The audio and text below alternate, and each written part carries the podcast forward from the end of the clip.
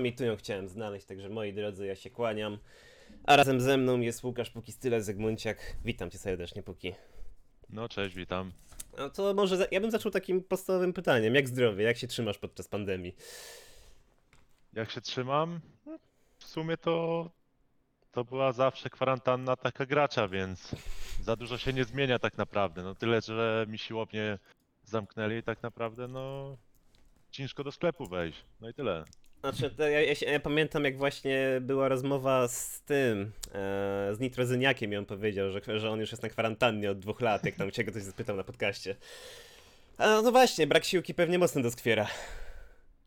No brak ruchu i tylko przed tym kąpem tak naprawdę teraz. A, No idealnie nie jest. No idealny nie jest, a tak w sumie e, cie- ciekawy jestem, czy w twoim przypadku na przykład czujesz, że brak siłowni odbija się jakoś na twojej grze, albo gdzieś w tym kierunku to zmierza? Czy na mojej grze się odbija? Chyba w małym stopniu tak, bo to jest raczej kwestia Mhm. taka, że mam co zrobić, e, że wiesz, nie będę siedział przed tym komputerem po 15 godzin i e, grał w tego Lola, tylko po prostu wyjdę tak naprawdę na godzinę, dwie, te pójdę na siłownię, e, taki trzeźwy umysł będę mieć, porobię coś, poruszam się. Wtedy Mhm. jakoś tak psychicznie lepiej się czuję, nie? A teraz jedyną przygodą jest wyjście do sklepu, niestety. No ale właśnie, póki, bo tak. E, Suchar już trochę przepytał. Ja cię też zahaczę tej o parę rzeczy związanych z tym wywiadem. Ale tak na rozgrzewkę, tak cofnijmy się. Nie wiem, strzelam 15 lat, czy nawet 10 i już nawet abstrahując od Lola, a do jakich gierek zaczynałeś? Bo gdzieś tam na pewno Warcraft, Warcraft się przewijał. Mhm. Znaczy pierwsza gra to pamiętam jak dostałem internet, pamiętam to była Neostrada. Od razu Tibia była ściągnięta. No z bomby tak Tibia poleciała. I to była taka moja pierwsza gra tak naprawdę. Z internetowych gierek to na pewno właśnie ta Tibia i CS potem się. Tibia i CS to takie główne gry były, a takie poboczne no to właśnie był ten, ten StarCraft, jakiś Warcraft, Age of Empires, czyli takie strategie po prostu. Mhm. Ale główne no to właśnie Tibia i, i CS. A grałeś jakoś mocniej rankingówki w StarCraftie, czy w ogóle w strategiach, czy raczej tak for fun sobie pykałeś? Nie, no ja byłem tam dzieciakiem, więc, Mhm. więc raczej te umsy, czyli tam te, te customowe gierki i sobie pykałem. Mhm. Ale to jakby tutaj się skłaniam ku temu, bo ja też akurat mocno pykałem, chociaż ja bardziej w y, kozaków. Były takie ogólnie strategie, co powychodziły w tamtym czasie na taki rynek bardziej europejski. No ale właśnie, jak to się stało właściwie, że poszedłeś w tego Lola? Jak to się stało, że póki w ogóle zaczął grać w tę grę? No nie wiem, no kolega mówi mi, dawaj, znam taką fajną gierkę, pograj z nami, bo tam jeszcze z jakimś tam bratem grał chyba, albo kolegą. No ja mówię, spoko, no ściągnąłem. Niestety, że byłem totalnym nobem, no bo wiadomo, początki. Mój kolega grał Tryndamerem, ja grałem sobie jakimś chyba Twisted Fate'em. Mhm. No i ja sobie mówię, no kurde, gościu, grasz OP Herosem, a mocnego Herosa mam, no i uninstall nie? Nie wiem czemu, po prostu odinstalowałem tę grę, bo po prostu mój kolega był o wiele lepszy ode mnie, bo grał tym Tryndamerem i uważałem, że to nie ma sensu grać w tę grę, jak jestem taki słaby. I szczerze, do teraz nie pamiętam, jak to się stało, że znowu zainstalowałem. Chyba z totalnych nudów. I potem jak zainsta- zainstalowałem znowu, to musiało to jakoś po prostu lecieć do przodu. Mhm. E, Wiele razy też e, wspominałeś, że Celaver był tutaj bardzo ważny, jeżeli chodzi o to twoje jakby wejście w tą jakby sferę esp- esportową, że właściwie można powiedzieć, chyba z czystym sercem, że dzięki niemu zaczęła się twoja w ogóle esportowa przygoda. Szczerze, no.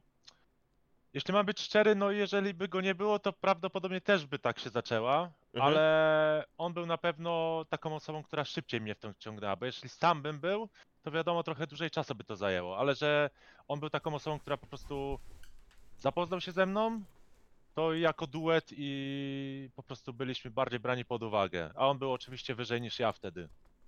No, czy Celaver właściwie można powiedzieć, że legenda sceny. Właściwie mm, Mhm. tro, tro, trochę, trochę żałuję, że, że już nie, ten nie gra. No, ja też. Ale co jakby, co minęło, to y, minęło. Właściwie też, y, bo to, że grasz na AD-kery, to też nie jest takie trochę oczywiste, bo ja chciałbym cię zapytać w ogóle, jak to się stało, że ostatecznie przeniosłeś się na bota, bo z tego, co patrzyłem też wcześniej, też z tego, co ja pamiętam, grałeś chyba na praktycznie każdej możliwej linii. Grałeś najpierw na topie, z tego, co, co, z tego, co pamiętam. Potem próbowałeś coś jeszcze na dżungli na midzie i dopiero potem ostatecznie poszedłeś na botę. Jak to, jak to się stało? Jak to się stało, że póki nareszcie znalazł tę swoją jedyną wymarzoną linię? Eee, tak w skrócie powiem, że to był przymus. A tak rozwijając to, no to wiadomo, top zaczę, zaczęło się od topa. Jakoś nie wiem, lubiłem tę, tę linię, grałem z Jarvanem i tam Jacksem, coś takiego. Mm, Jak grałem na dżungli, to ja szczerze tego nie pamiętam. To raczej były takie pojedyncze turnieje, gdzie żeby po prostu zagrać to, żeby tak e, lukę po prostu zapełnić. Tak samo było z midem, z tego co pamiętam, że nie było midlanera, no to e, Mhm. to po prostu tam na, jak na Dreamhacku byłem, pamiętam, to chyba Szwecja jakaś była, no to właśnie to po prostu poszedłem zagrać tam na midzie i, i tyle. A na deku jak to się stało? To dokładnie taka sama sprawa, tylko że jak mida nie było, tak nie było mida na jeden turniej na przykład i potem ktoś się Mhm. znajdywał tam, a na deku w ogóle tak naprawdę nie było ludzi i żeby było, żeby stworzyć jakąś drużynę tak naprawdę, to musiałem po prostu roll swapa walnąć. Po prostu nie było ludzi na adekery. Znaczy w ogóle jak tak pamiętam, że tak jakbym teraz miał się cofnąć to sezon drugi, trzeci, czwarty, to były takie stale rotujące się składy. Jak była jakaś sklejka na Go for Rolla czy Mistrzowska, Mistrzostwa Polski, to to zawsze były tak przemieszane składy rolami i zawodnikami, że ciężko potem było ogarnąć w ogóle kto, kto z kim gra na dobrą sprawę. No tak, ale to była kwestia raczej tego, że po prostu każdy był dzieciakiem, tak, i Mhm. wiesz, jak jest się dzieckiem, to tak naprawdę jeden nieudany turniej, trzeba coś zmienić. Trzeba wyrzucić tego, no on spieprzył jedną akcję, trzeba zmienić go. A potem, Raczej ra- kwestia tego. a potem rany zostają aż do dziesiątego sezonu. No, no bo, tak. bo ktoś strollował Go for, Go for Lola. Ale właśnie, bo tych składów było naprawdę sporo. Można powiedzieć, że jesteś e, weteranem tej sceny, tak jakby, jakby się nie, nie, nie, oszuk- nie oszukujmy. E, Czy do jakiejś drużyny bądź składu, w którym grałeś, masz jakiś szczególny sentyment jakby z perspektywy czasu? Sentyment? Nie no, szczerze to chyba taki sentymentalne teamy w sumie bym powiedział, to były te, które były z Vegim tak naprawdę, bo Mhm. on, on jest starszy, tak? Ja byłem dzieciakiem i tak naprawdę to był mój ojciec taki lolowy, który tak naprawdę w życiu realnym też mi dużo dawał, więc do tej osoby mam na pewno wielki sentyment i wielki szacunek, respekt, bo on mnie tak naprawdę wykreował trochę. Więc no, myślę, że wszystkie teamy, które po prostu byłem z Vegim, to są takie sentymentalne. Mhm. Czyli można śmiało powiedzieć, że Wedzi miał szczególny wpływ na twoją karierę, nie tylko e, pod kątem umiejętności, ale także chyba pod kątem takim nieco mentalnym, bym powiedział. To na pewno. Jestem w 100% przekonany, że tak było po prostu. Mhm. E, Kolejna kwestia, do której jakby chciałbym e, przejść. Właściwie takie pytanie troszeczkę mm, luźniejsze. Jacy gracze, bo wspominasz o tym często na streamie, ale możliwe, że nie wszyscy wiedzą. Jacy gracze ADKery są dla ciebie wzorem, jeżeli chodzi o League Legend? Wzorem. No, wzorem, no to wiadomo, ci, którzy po prostu są najlepsi, czyli na ten moment to jest jakiś ruler, deft. Eee, ruler, deft, kto tam jeszcze był? Jest jedna osoba, ale. Teddy, oczywiście, że Teddy. Mhm. No i jeszcze jest czwarta osoba, która jest tak naprawdę obiecującą młodą osobą, która już kolejny sezon wbija bardzo duży ranking. Jest to Guma Yusi, czyli e, sub z T1. Mhm. I to jest też po części taki wzór. Uzi był wzorem, ale mam wrażenie, że trochę regres wleciał i dlatego wzoruję się na tych, co uważam, że są po prostu najlepsi na ten moment. Znaczy ja akurat jeżeli chodzi o Uziego, to już też jakby z mojej, bardziej z mojej strony, mam troszeczkę taki e, trochę, nie, trochę niedosyt, bo mam wrażenie, że Uzi pomimo jakby swojej wielkiej kariery jakby mm, aktualnie zalicza taki troszeczkę, nie wiem czy regres, czy to jest właściwie mm, jak to ująć e, w słowa. Może nie tyle co regres, ale taki trochę troszeczkę jakby już odstawał od tych młodych, tych obiecujących graczy, którzy się pojawiają na scenie. Mm, ja bym tak nie powiedział. Mhm. Wydaje mi się, że nadal jest na wysokim poziomie, ale to jest kwestia tego, że on po prostu za dużo bierze od ludzi, za mało dając. Tak naprawdę jakby, nie wiem, twoja drużyna dała ci 10 zł, a ty im oddajesz 8, nie? To na takiej zasadzie mam wrażenie, że, Mhm. że działa.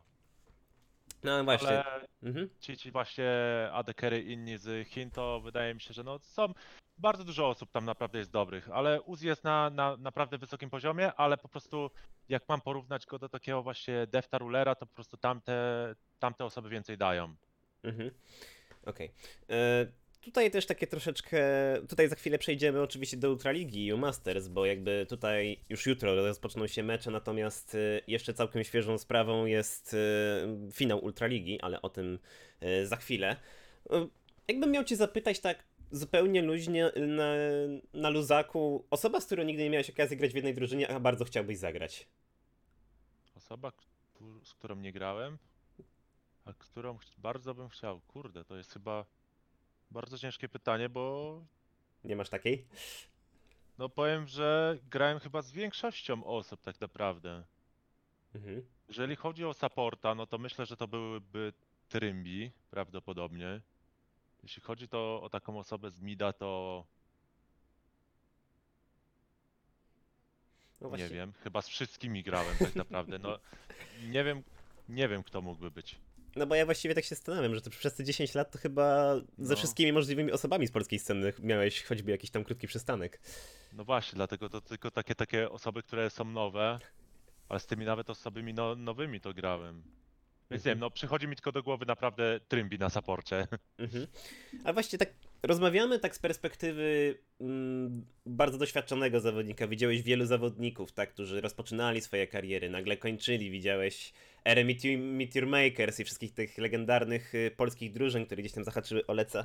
E, Z twojej perspektywy, jak widzisz y, tak naprawdę to, w, jaki sposób rozwinęła się polska scena przez te 10 lat? Bo też często wspominasz o tym, że jakby nasz region jest bardzo silny, ale też chciałbym Cię zapytać o, o swoją szerszą perspektywę. Jak to być, być właśnie taką osobą, która właściwie była w środku tych wszystkich zmian, które następowały na scenie przez 10 lat?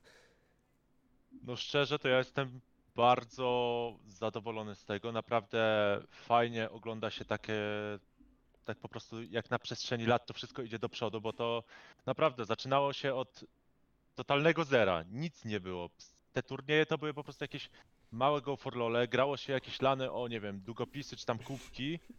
Potem nagle zaczynają się większe turnieje z większą e, kasą, a potem jeszcze zaczynają się pensje, co tak naprawdę na ten moment niektóre pensje są naprawdę tak duże, że ja jestem sam w szoku, że można tyle dostać z- w Polsce, więc ja jestem naprawdę zadowolony tego i strasznie cieszę się z tego, że no Polska naprawdę poszła do przodu w tym, w tym aspekcie. No tutaj, moi drodzy, macie pytanie o to, czy, czy, czy z Disem grał, ale myśl, myślę, że nie grał. Myślę, że zdecydowanie nie grał. Ktoś, kto grał z Disem w jednej drużynie, to jest legendą. Ale chyba jeden z moich gości wspominał, że był z nim w jednej drużynie. A już wyleciało mi z głowy totalnie to. Może Tabasco? Ja już nie pamiętam. Znaczy, ja, ja z nim nie grałem, ale grałem na niego, pamiętam, na lanie. O! I powiem wam, że się bałem, bałem tego gościa, bo gościu wyglądał na takiego, co, co, co mógłby chodzić po ulicy i bić ludzi, nie? Naprawdę. A wygrałeś? Właśnie to był, to był chyba akurat pierwszy LAN, który wygraliśmy na, na właśnie Gameburg Team to chyba był Mhm. i oni wygrywali jakoś przez rok chyba bez, bez, bez przerwy, nie przegrali żadnego turnieju i to był właśnie pierwszy turniej, na którym wygraliśmy. I, i śmieszna sprawa, że jak już był półfinał albo finał, to chciałem iść do domu po prostu i nie grać tego. Mhm. O, właśnie, Anną, przecież zapomniałem, a, dokładnie Anną, przecież sam się chwalił i też o tym, jak e, Wodziaka chciał wywalić chyba z czwartego piętra. Już tyle historii mi tutaj poopowiadali ludzie na podcaście, że naprawdę można byłoby z tego kopalnie zrobić e, memów. No ale właśnie, tak przechodząc do tematu e, EU Masters, czy w ogóle Ultraligi. Najpierw pokonaliście Ago w pierwszym meczu, aby potem w finale przegrać ostatecznie. Mm, Czego zabrakło właściwie w tym finale? Bo ja miałem wrażenie ogólnie, że te gierki były bardzo close i właściwie brakowało niewiele, żeby ta szala się przechyliła na waszą stronę. Na AGO w finale. Na pewno były close te gry. Pierwsza, druga, czwarta były close. Trzecia wydaje mi się, że dostaliśmy stomp, a tam akurat bot difference był e, gorszym. Naprawdę nie powinniśmy Rakana pikować, bo to strasznie zepsuło nam linię na bocie.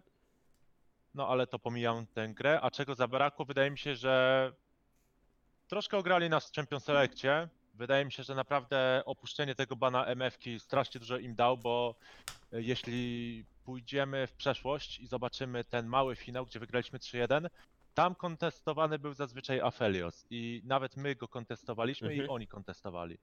MF-kę banowali, więc e, tutaj postawiliśmy na MF-kę te trzy gry pierwsze chyba. No i to nie, nie skończyło się tak dobrze. Aphelios myślę, że po prostu jest o wiele lepszą postacią i szczerze wydaje mi się, mógłbym nawet postawić, że to dużo zmieniło po prostu. Że ten jeden pik strasznie dużo zmienił. Mhm. Tutaj abstrahując właśnie od pytań o Ultraligę, czy, a też, czy, czy uważasz, że Aphelios w, w ogóle tej postaci nie powinno by, y, być w LoLu? Bo od, odnoszę wrażenie, że pomimo tych prób zbalansowania go troszeczkę jakby nie udaje się, bo mam wrażenie, że pomimo właśnie tych osłabień, wzmocnień, ty, jakby tych wszystkich zmian, które następują wokół niego, to jest taka trochę postać nie do zbalansowania przy obecnym skillsecie, który posiada. No. Ja, ja tak naprawdę jak są jakieś OP postacie albo są słabe postacie, to ja mam taką wizję u siebie. Co zrobić, żeby ta postać była normalna? Z Apheliosem nie mam czegoś takiego, nie wiem co oni by musieli mu zrobić, bo ta postać po prostu ma za dużo predyspozycji, za dużo ma rzeczy, które może zrobić. No, ma lifesteala, ma duży range, ma tutaj jedną broń, na, gdzie może engage'ować tak naprawdę, ma broń, gdzie szybko puszuje, ma broń, gdzie nagle wszystko sobie puszuje na, na, na hita i, i po prostu demoluje wszystko. No po prostu on ma wszystko ta postać. Jeszcze by dali mu dasha i miałby wszystko, co po prostu mógłby mieć. No właśnie- Nie wiem jak go zbalansować. No bo właściwie brak mobilności jest jedyną rzeczą, która tak Mhm. naprawdę ogranicza Afeliosa w tym momencie. No tak, no to jest jedyny, jedyny jego minus, ale myślę, że on i tak sobie radzi z tym dobrze, bo jak ktoś wbije się na niego, no to ma predyspozycje po to, że, y, takie, żeby zoutplayować te, te postacie, a jak ma jeszcze pila jakiegoś od swojego drużyny, no to wiadomo, jeszcze łatwiej jest. Mhm. A czy bo to jest moje zmartwienie, bo właściwie w tym momencie, kiedy draftujesz, to tak naprawdę nie banujesz Afeliosa dlatego, że ktoś może zajebiście grać Afeliosem w enemy teamie, czy po prostu jest tam jakiś król Afeliosa gdzieś tam w turnieju, tylko po prostu banujesz tego Herosa, bo nieważne kto nim zagra, on tak naprawdę będzie robił różnicę, jakby w, No. jeżeli chodzi o całokształt tak. drużyny. No ale, Ale bo... to wi- wi- wiadomo, też da się wygrać na niego, ale no mniejsze szanse są, jakby ktoś, jak ktoś miał innego herosa tak naprawdę, jak dla mnie. Mhm. No ale właśnie, tak pomimo tego finału odnoszę wrażenie, że Kik zrobiło naprawdę świetną robotę, jeżeli chodzi o ten sezon i właściwie ta portugalska organizacja z waszym składem weszła mocno z przytupem na, na polską scenę. I właśnie, chciałem ciebie spytać, jakie osobiste odczucia, czy jesteś zadowolony z wyników zespołu, no i czy EU Masters będzie wasze przede wszystkim. E, czy jestem zadowolony z wyników? No na pewno jestem. Szkoda tylko tak naprawdę jednej porażki z tego co pamiętam w regularnym splicie na Devil's One. To była pierwsza gra, gdzie byliśmy 5k do przodu. Tej gry naprawdę mi szkoda. E, A co do wyników, to jestem raczej zadowolony, no bo w małym finale, wygra... w małym finale wygraliśmy na Ago. W Mhm. regular splicie wygraliśmy też raz na nich, gdzie tak naprawdę ludzie stawiali ich jako totalnego faworyta, który po prostu nie da się go zniszczyć. E, No i wiadomo, w finale przegraliśmy 1-3, ale uważam, że to nie były jakieś takie stąpy, więc dałoby się naprawdę wyciągnąć w tej serii 5 map i byłby, byłoby spoko. Ale overall, no myślę, że ok jest wynik. Mhm. Wiadomo, mógłby być lepszy. No bo tam też, też y, zauważyłem, że sporo osób miało nadzieję, że Devilsi tutaj uszczkną, uszczkną też troszeczkę w tym półfinie, w tym półfinie, można powiedzieć półfin, no to był chyba półfinał laser bracketu, jeśli się nie mylę. No to był mam ma- nadzieję, że nie przekro- finał znowu. No dokładnie. E, więc tam ludzie mieli też spore nadzieje, że Devilsom się uda, zresztą sam się wypowiadałeś na ten temat, co powinni z, według ciebie zrobić, ale no osta- ostatecznie myślę, że właśnie to, to o czym wspomniałeś, czyli ta e, różnica na bocie, która no jakby nie patrzeć e, na, pew- na pewno była, tak jakby tutaj po jednej stronie bardzo doświadczeni gracze, z, z drugiej strony młodzi, żądni krwi zawodnicy, którym jeszcze tego doświadczenia brakuje. I troszeczkę Devilsom no zabrakło tej, mam wrażenie, w pewnych aspektach gry może nie tyle co doświadczenia, ale też po prostu takiego ogrania, że tutaj Ago ich trochę pokonało doświadczeniem. O...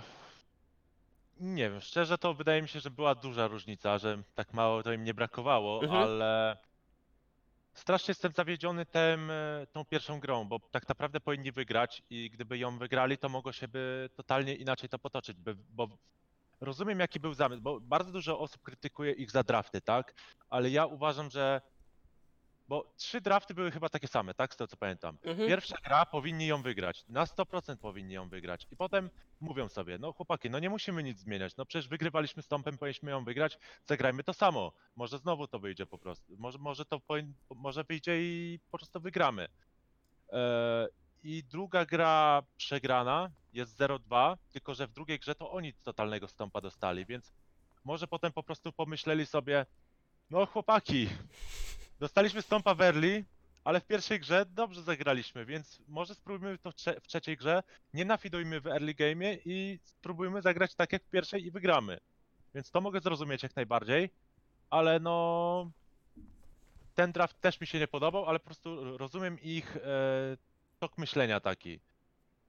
Ale no nie oszukujmy się, bardzo ciężko było im to wygrać, chociaż ja też miałem tak naprawdę nadzieję, jak widziałem tę, tę pierwszą grę, to myślałem, że kurde, no ci goście mogą mi zagrozić, tak realnie.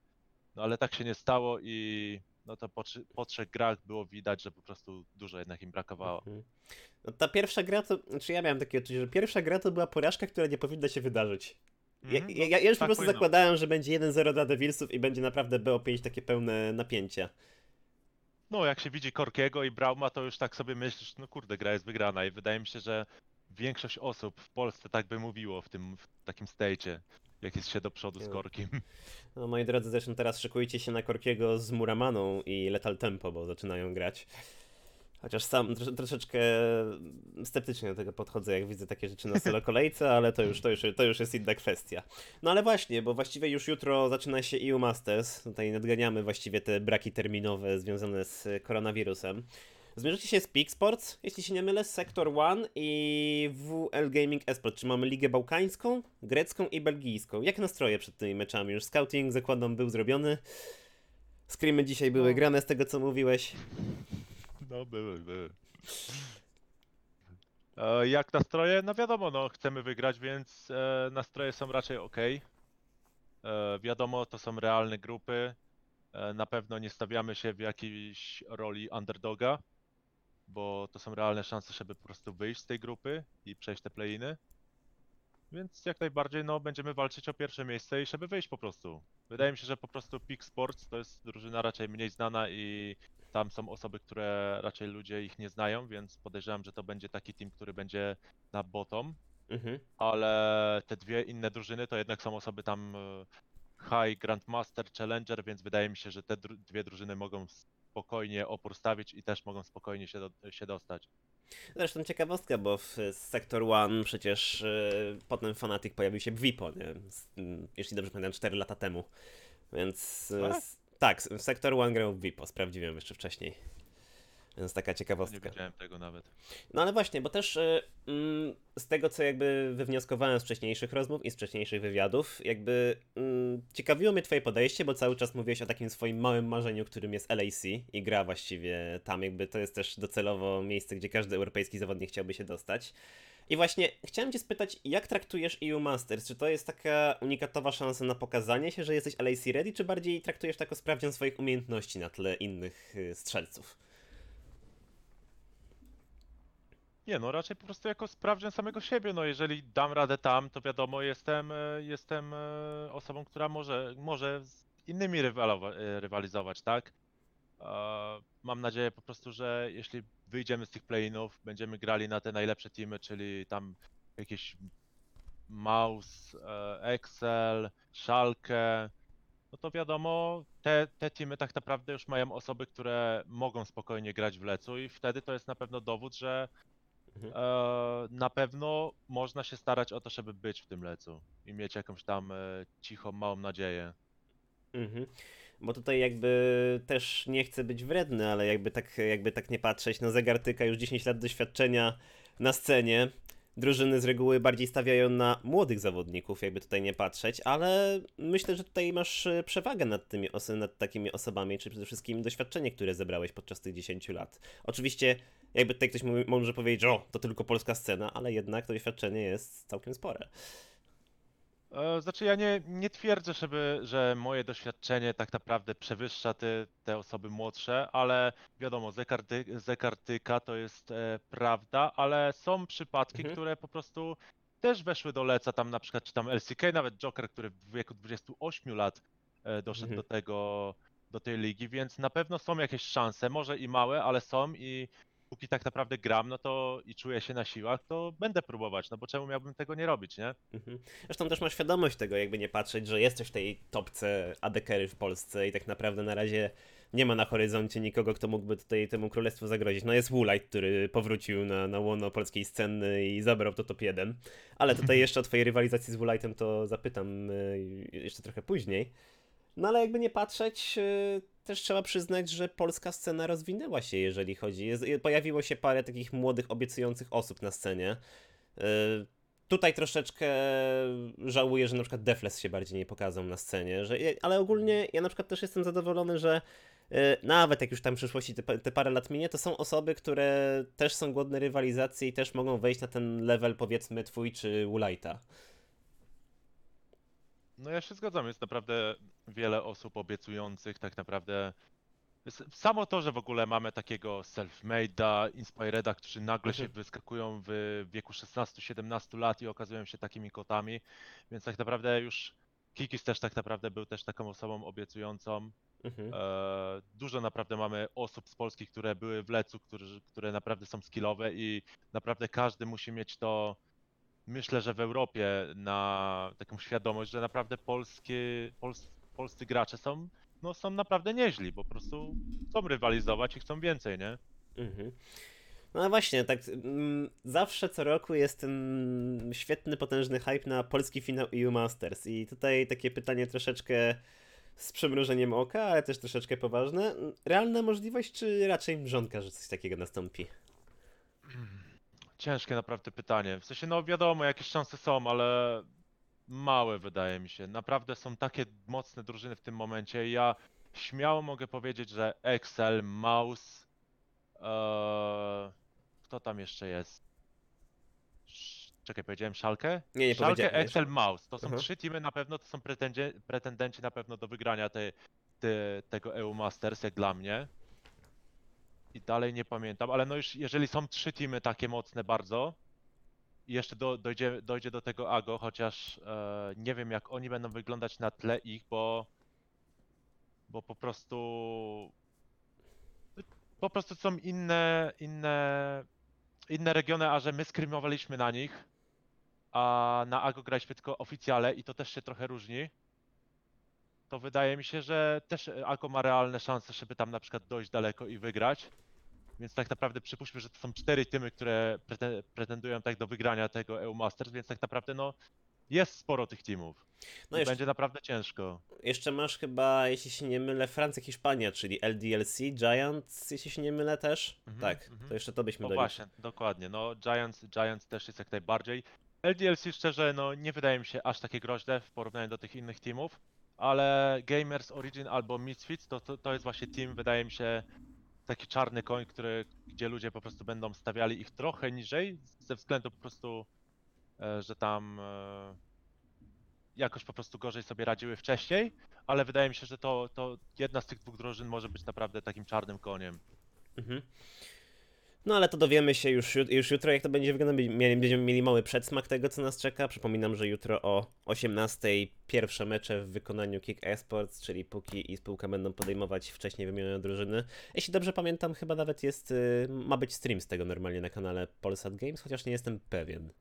Ale- Ja wiem A nawet. Awahir, Awahir wspominał, że będzie komentowane, także e, jak coś, to wiecie, że stream będzie. Czy yy, gamersi z Tabasco wszystko wygrają? A to jest akurat y, to jest akurat ciekawa sprawa, bo tak naprawdę chyba nikt się nie spodziewał, że Tabasco ze swoim debiutem na ADKR i po tym, co tam się działo na koniec, że uda im się tam wygrać ten finał, więc to jest ogólnie też bardzo ciekawa kwestia. Ale też fajna sprawa, bo tak naprawdę pospotykaje, pospotyka się bardzo dużo zawodników z różnych kontynentów, a tutaj mówię o Polakach, że tak naprawdę pospo- pospotykają się w różnych drużynach. I też będzie możliwość spotkania się na Summoner Rift ze starymi znajomymi. No to się zgadza, akurat sporo jest Polaków, ale wiadomo, no jeszcze play-iny będą te, trzeba przejść przez nie. Nie, no ja tam się, ja się, ja tutaj się śmieję, tak już odnosząc się do, do czatu Heiko, że właśnie tam by, były te tam jazdy, że Tabasco bał się przez chwilę, że będzie musiał brać coaching na adekery.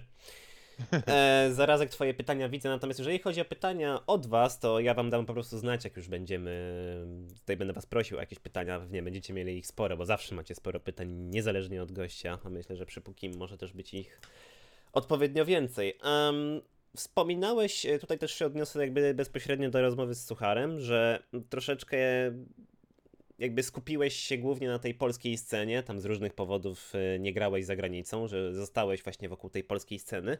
Ja chciałbym cię bardziej konkretnie zapytać, czy nie żałowałeś tego, że tak poświęciłeś się właściwie polskiej scenie i zostałeś zamiast e, wyjechać za granicę, bo tak troszeczkę jak słuchałem tej rozmowy, to się śmiałem, że właśnie tak e, byłbyś taką ikoną takiej emotki Polska górą, że póki 10 lat w Polsce i on pra- prawdziwy patriota, on tu został. Czy właśnie nie miałeś takich chwil, że właściwie sobie myślałeś, kurde, no mogłem pojechać jednak za, tą za, za granicę.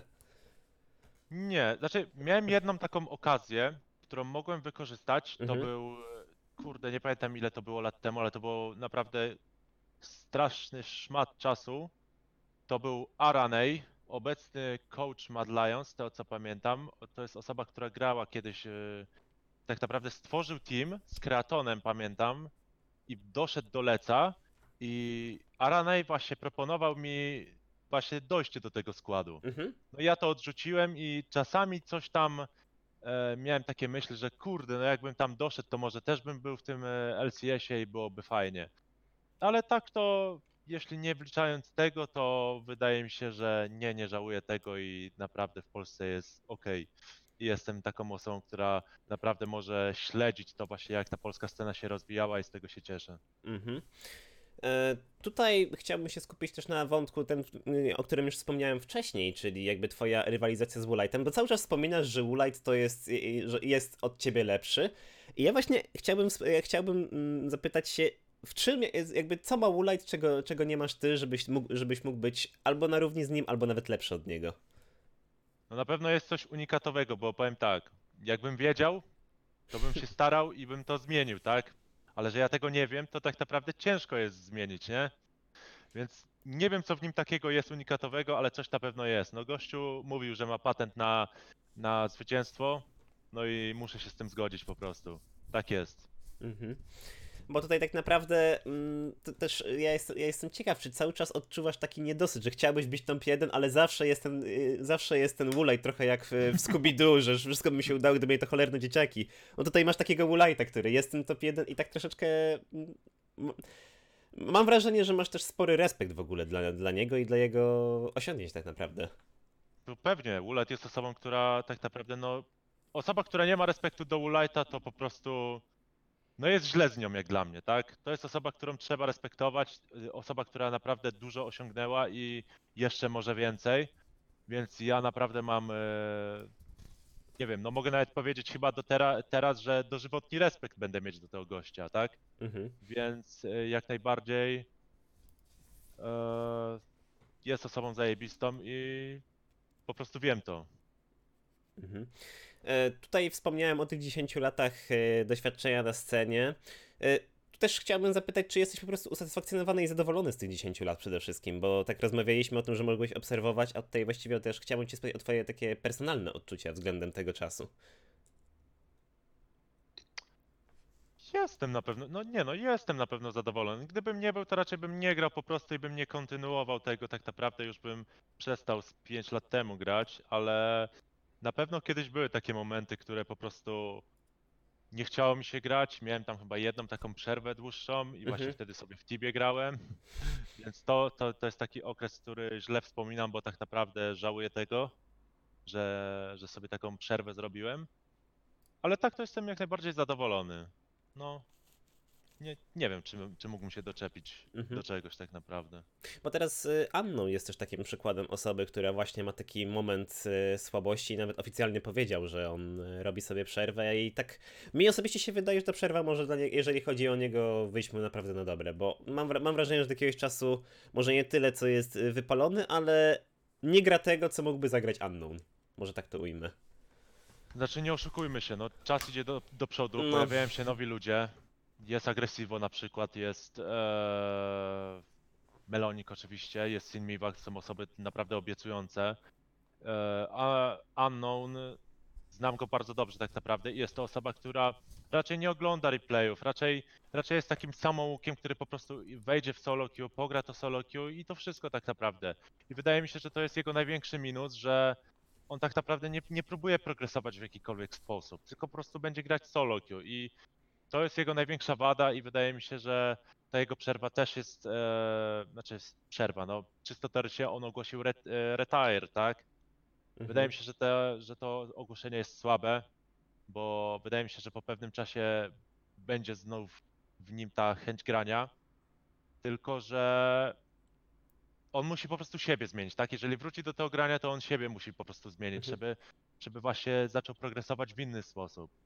Mhm. Ale no mam nadzieję, że ta, że ogłosi powrót i że to będzie jednak szybki powrót, bo szkoda byłoby, żeby zakończył karierę w tym momencie, gdzie tak naprawdę jest to osoba, która też wiele lat przesiedziała przed tym lolem, nie? No, wiele lat, ja przecież pamiętam, jak ja z Announem razem w teamie grałem jeszcze dawno, dawno temu, ale to jeszcze były, to były, to były czasy istowskie, to to było naprawdę dawno temu, tak jak jeszcze w sumie to, to, to, to, jest też taki okres, który wspominam z takim sentymentem, bo to było jeszcze przed takim Exodusem na Westa, gdzie jakby wszyscy tam mm, wiedzieli, że West ma lepszy poziom i grali na tym Westie. A właśnie można było spotkać czy to ciebie, czy Unknowna, czy w ogóle wszystkie jakby niki z dzisiejszej sceny, no właśnie, właśnie na wschodzie legendarnym. No ale wracając do tematu, mm, bo tutaj jakby mm, też będzie wiele pytań od was. E, Wspominałeś też o tym, czy właściwie mówiłeś, że miałeś dużo obaw, jeżeli chodzi o Delorda na trenerce. Jakby tutaj się mogło to wydawać e, racjonalne, tak? Bo tak naprawdę ja miałem taką perspektywę, że okej, support nagle zostaje trenerem, gdzie też e, jakiegoś większego bagażu doświadczenia, doświadczenia jako trener nie ma. Ale tutaj chciałbym spytać o konkretną rzecz. Co według Ciebie ma Paweł jako trener, czego nie miał Paweł na saporcie? Czy, czy zauważasz właśnie jakieś takie różnice, czy jakieś takie plusy, minusy względem tego, względem Pawka trenera, a Pawka supporta? Nie, raczej nie. Nie widzę czegoś takiego, tylko że jedyny plus jest taki, jeżeli on jest na trenerce, taki wielki plus naprawdę, że jest to osoba, która jest po części taką osobą, której po prostu nie da się nie lubić, tak? Więc on jest taką osobą, która. Trener jest taką osobą, która po części jest takim ojcem, tak? I to chyba już Delort wspomniał nawet na jakiejś wypowiedzi, że to jest taki ojciec właśnie tych graczy. I on jako swoja osoba po prostu potrafi złączyć te wszystkie osoby, że, że nie ma takich dymów, nie? Mhm. Więc to jest tak naprawdę wielki plus e, jego e, na trenerce, ale nie oszukujmy się, jak był graczem, to też mógł być, też był taką osobą, bo no przecież grałem z nim, tak? Więc w sumie nie powiedziałbym, żeby to była jakaś duża różnica. No wydaje mi się, że i tutaj był bardzo dobry, i tutaj był bardzo dobry. E, Troszeczkę poszedłbym tutaj w kierunku spekulacji, bo tu wspomniałeś jakby o tym Delordzie, który spaja te wszystkie indywidualności tych wszystkich zawodników. Czy w twoim odczuciu, tutaj trochę oczywiście spekuluję, e, właśnie IHG zabrakło takiego Delorda, który by pospajał te wszystkie indywidualności, które dołączyły do IHG? Bo pamiętam na początku sezonu właśnie był taki wielki hype, że o tutaj Jessis, tutaj Kikis, tutaj naprawdę takie konkretne nazwiska, a koniec końców wyda- no, można chyba śmiało powiedzieć, że nie wyszło do końca tak, jak IHG planowało i spory niedosyt pozostał. Eee, w sensie. Czekaj, bo nie zrozumiałem. Czy, Mhm. Czy on e, był taką osobą, który, czy, której brakowało w poprzednim składzie, czy w obecnym? W, w obecnym, w obecnym, w obecnym, w obecnym. Czyli jakby on był tam, tak? Tak, dokładnie. To czy by też. Kurde. To jest akurat. To jest No, spekulacja to jest ciężkie pytanie, bo, bo tam naprawdę wiadomo jaki Kikis jest i nie wiadomo jaki Jezus jest, ale prawdopodobnie też to powinna być taka osoba, która jest o niebo lepsza wiedzy, wiedzy takiej makro niż ktokolwiek. No wiadomo, gościu zleca, z Misfits był, więc no w sumie no chyba muszę się zgodzić z tobą, że akurat takiej dwójki chyba by nie przejął, i chyba, chyba by nie złączył z innymi i by Nie dałoby się. bardzo ciężko. No, jednak, jednak tutaj zmieniam zdanie. Ale to, to jest taki. To jest taki przypadek, który jest e, jed, jednorazowy. No nie, nie wydaje mi się, żeby mogłaby być taka druga drużyna z takimi dwoma osobiś, osobistościami. Mhm. E, Tutaj widzę, padło porównanie Delorda do Peszko, że Atmosferinio. Czy, czy, as, czy Atmosferinio też na pewno, ale myślę, że przede wszystkim jakby silny charakter i charyzma Delorda powodują, że jest też takim dobrym trenerem. A tutaj jakby ja spekuluję, ja nie jestem jakby w KIK, więc ja mogę tylko się opierać o swoją perspektywę tutaj póki. No spekulujesz, ale to są bardzo dobre spekulacje, bo ja się zgadzam e, z tym w 100%. No. Jest taką osobą i naprawdę dobrze mu to wychodzi. Mhm. E, moi drodzy, jeżeli macie jakieś pytania do Pukiego, to możecie powoli zacząć je zadawać. Ja będę je gdzieś zapisywał i e, będę miał je gdzieś tam pod ręką, a przynajmniej będę starał się, bo wy, ma, wy macie zawsze bardzo kreatywne pytania, tak jak na przykład 50 Bill of Mercy właśnie pyta, dlaczego Miss Fortune. E, Ja zastanawiam się nad jakimś rozszerzeniem tego pytania, ale zakładam chyba, że chodzi o dlaczego Miss Fortune jako tak, taki twój trochę markowy heros bym powiedział, bo zawsze tak gdzieś Miss Fortune tobie towarzyszyła na ADKR. No, ale e, ogólnie z tą MF-ką to się już strasznie dawno zaczęło z tego co ja pamiętam, Mhm. ale no coś mi tak umysł podpowiada, no kurde piknij ją, no ona jest dobra, naprawdę jest silna. I tak kurde pograłem nią trochę i naprawdę uważałem, że to jest mocny heros i, i po prostu dobrze mi się nią grało, tak? Więc ja, ja raczej jestem taką osobą, że jak no naprawdę będzie mi się coś, coś dobrze grało czymś, to zagram tym. A jeszcze pamiętam, że z MF-ką miałem też takie że tak powiem, dobre relacje na solo kolejce, bo tak naprawdę jak e, wbiłem swoje pikelo na łeście, jak były te dywizje, jak- znaczy jak było to elo na Challengerze, to tak naprawdę 1000 LP prawie wbiłem e, MF-ką, więc, więc to też jest taki dla mnie plus i wiedziałem, że po prostu dobrze nią gram. Mhm. Jakoś to stało tak. Tutaj jeszcze bardzo, bardzo ciekawa informacja, o tym w ogóle zapomniałem. E, Tutaj ktoś zwraca uwagę, że póki miał na Leakpedii zdjęcie z jakąś cosplayerką MF, także to już, to już, to już naprawdę... To jest zbieg okoliczności totalny, nie wiem jak to wyszło, ale... A, ale wyszło. E, tutaj e, Zarazek zadał wcześniej co, całkiem ciekawe pytanie. Przeczytam. E, psycholog we sporcie, czy miałeś jakiś kontakt, jakoś mu z czymś e, pomógł? Psycholog we sporcie, czy mi pomógł, tak? Czy miałeś jakiś Miałem. kontakt? Mhm. Miałem. Ogólnie. Czy pomógł? Kurde, szczerze to coś na pewno da, bo wiadomo, tak naprawdę, żeby być lepszym graczem, nie, nie musisz mieć tego progresu jakiegoś stuprocentowego. Każdy procent, który, który włożysz w siebie, albo osoba jakaś inna tam z, z po prostu outside włoży w ciebie, to jest zawsze jakiś plus, więc psycholog taki sportowy może nie da jakoś dużo, chyba że naprawdę ktoś ma duże problemy. Eee, ale na pewno coś da, nie jakoś dużo w moim odczuciu, ale jakąś tam mały procencik da i zawsze jest to coś. Mhm. Ale też wydaje mi się, że osoby takie młodsze strasznie olewczo do tego podchodzą i, i wtedy to może dać jakiś trochę negatywny efekt. Mhm. E, Tutaj też chciałbym, żebyś trochę powspominał, bo na pewno przez te 10 lat y, sporo fajnych zagrań się uzbierało. Czy masz jakieś takie jedno zagranie swoje albo sytuację z jakiegoś meczu, którą, którą mógłbyś powiedzieć, że to akurat zarąbiście mi wyszło, że na tle innych wszystkich rzeczy przez te 10 lat było takie jedno zagranie, które po prostu pamiętasz do dzisiaj. Znaczy, pierwsze co mi podchodzi na myśl, to takie, które spieprzyłem i to po całości. I to pamiętam, że to było, było na Gamescomie.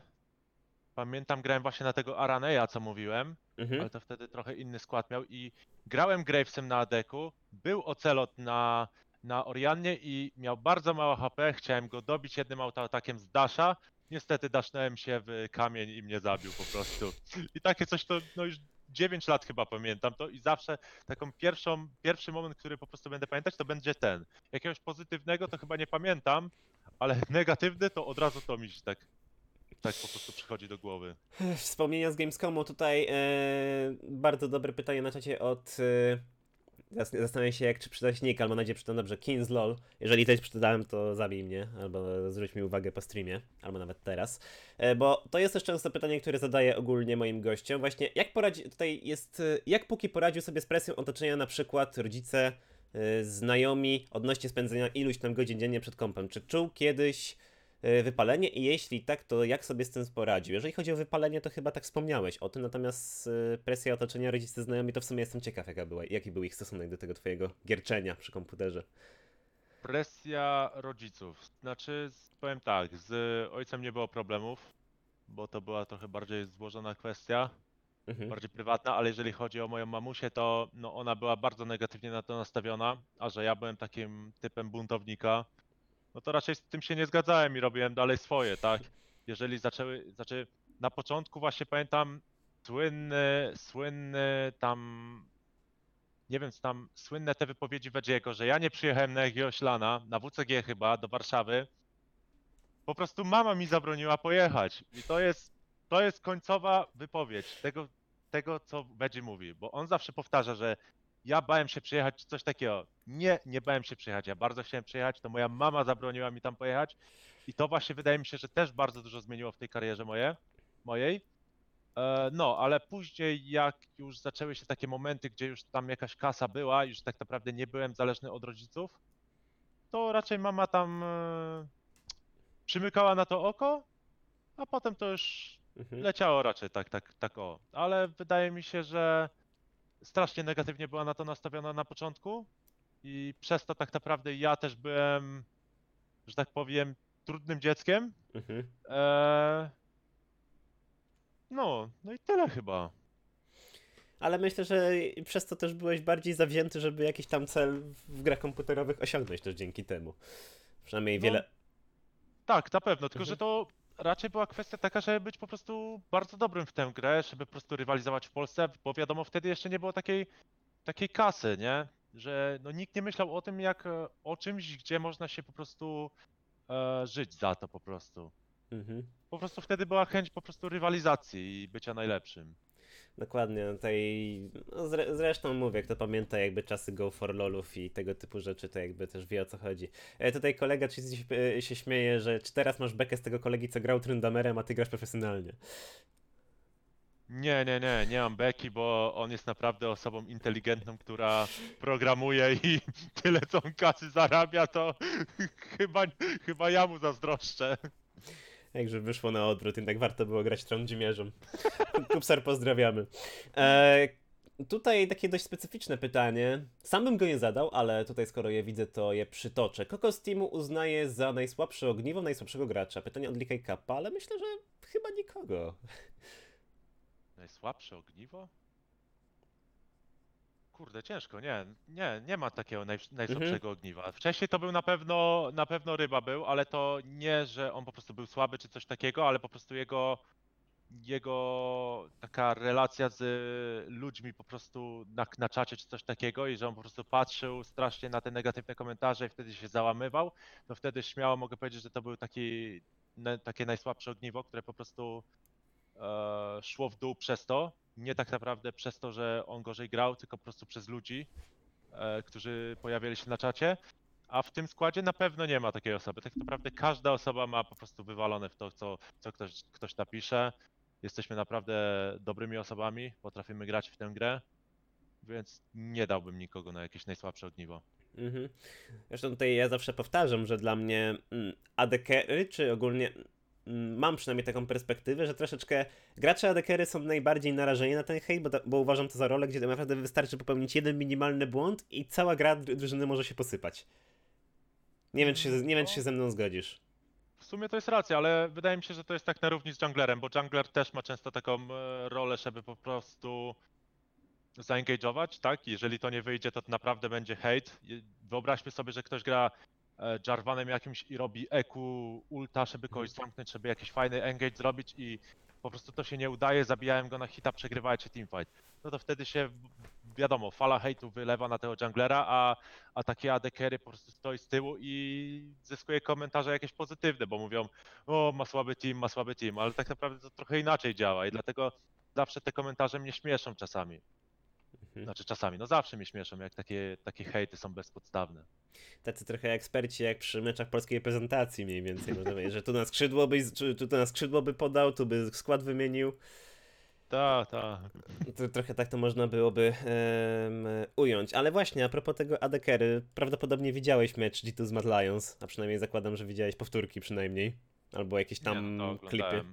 E, No. Tam też troszeczkę było widać właśnie, jak już mówimy o ADKery, właśnie tą troszeczkę, że jeżeli to ADKery właśnie popełni choćby ten minimalny błąd, to nagle cała gra drużyny zacznie się sypać. Zresztą ten niefortunny strasznie atak na Nexus tam z tym backdoorem, to ja tam po prostu nie, nie byłem w stanie uwierzyć, że to w ogóle miało miejsce, że to w ogóle się stało.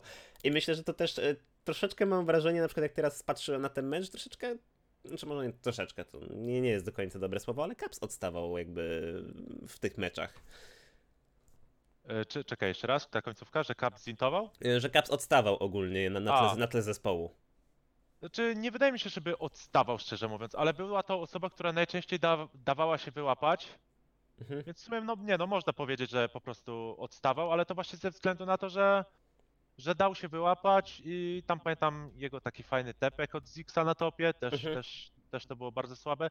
No wydaje mi się, że Caps jakby lepiej zagrał tę grę, to, znaczy no, jakby zagrał lepiej, to na pewno by, by wygrali, no bo by dobił Nexusa, tak? Tam też mógł po prostu dobić tego Nexusa, ale e, z tego co tam można było naliczyć, to z trzy albo cztery razy dał się głupio złapać, więc no, no tak, no Caps, e, Caps akurat śmiało mogę powiedzieć, że wczoraj, wczoraj, no można na niego zwalić winę, no Mhm. nie oszukujmy się.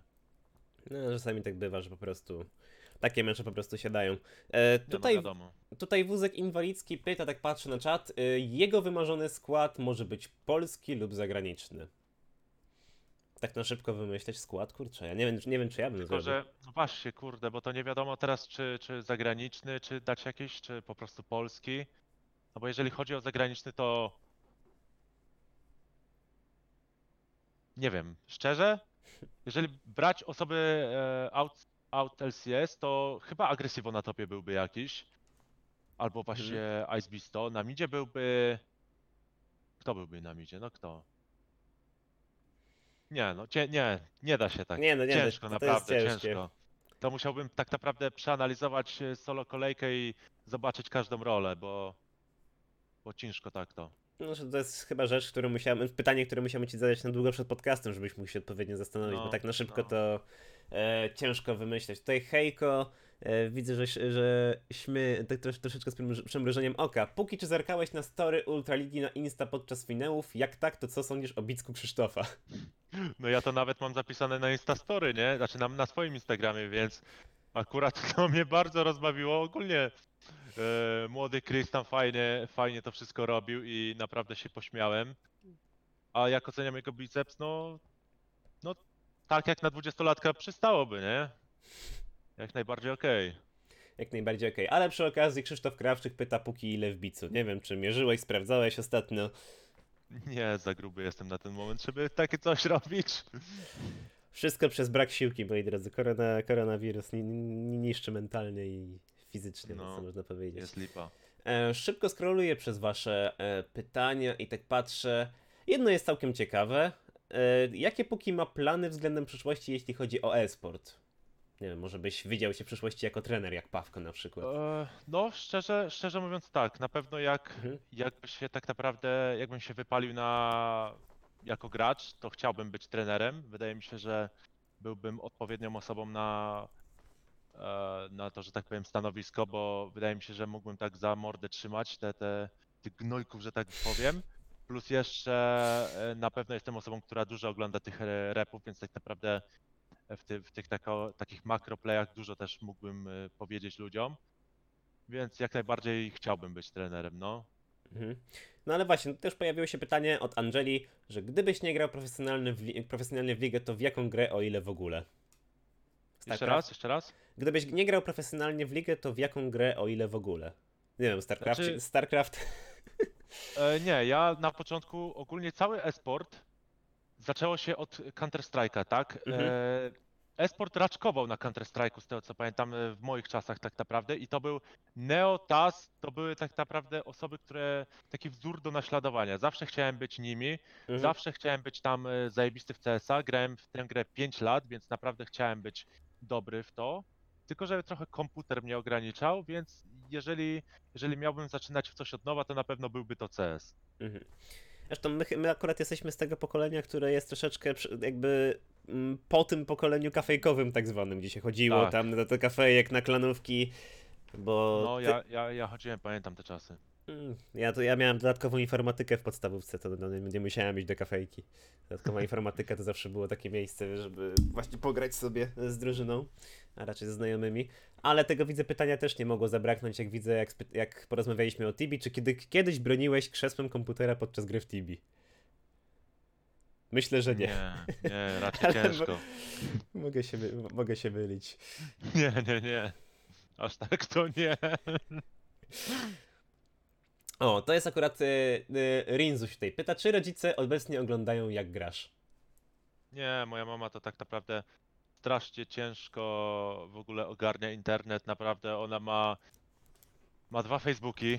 Od tego muszę zacząć. Jeden ma przystosowany do komórki, a drugi do tableta, bo nie umie się zalogować na, na jedno konto na dwóch urządzeniach, więc to już samo pokazuje, że myślę, że nie potrafiłaby włączyć po prostu mojej gry i jakby zobaczyła to, to myślała sobie, co to jest, co ona robi z życiem. Ale z drugiej strony, jakby zobaczyła wywiad z tobą na przykład w telewizji, to myślę, myślę że mogła, mogłaby się tak pozytywnie zaskoczyć. No wtedy, no tak, tak, tak, ale to akurat jakieś tam wywiady czy coś, czy jakieś tam zdjęcia, to ona zobaczy na jakimś Facebooku, nie? Mhm. To, to akurat myślę, że jest okej. E, tutaj Keynes jeszcze kolejne pytanie, takie dosyć trafne. Jakbyś miał jeszcze raz 15 lat, to czy tryhardowałbyś w ligę, czy wybrał inny, bardziej stabilny i opłacalny zawód?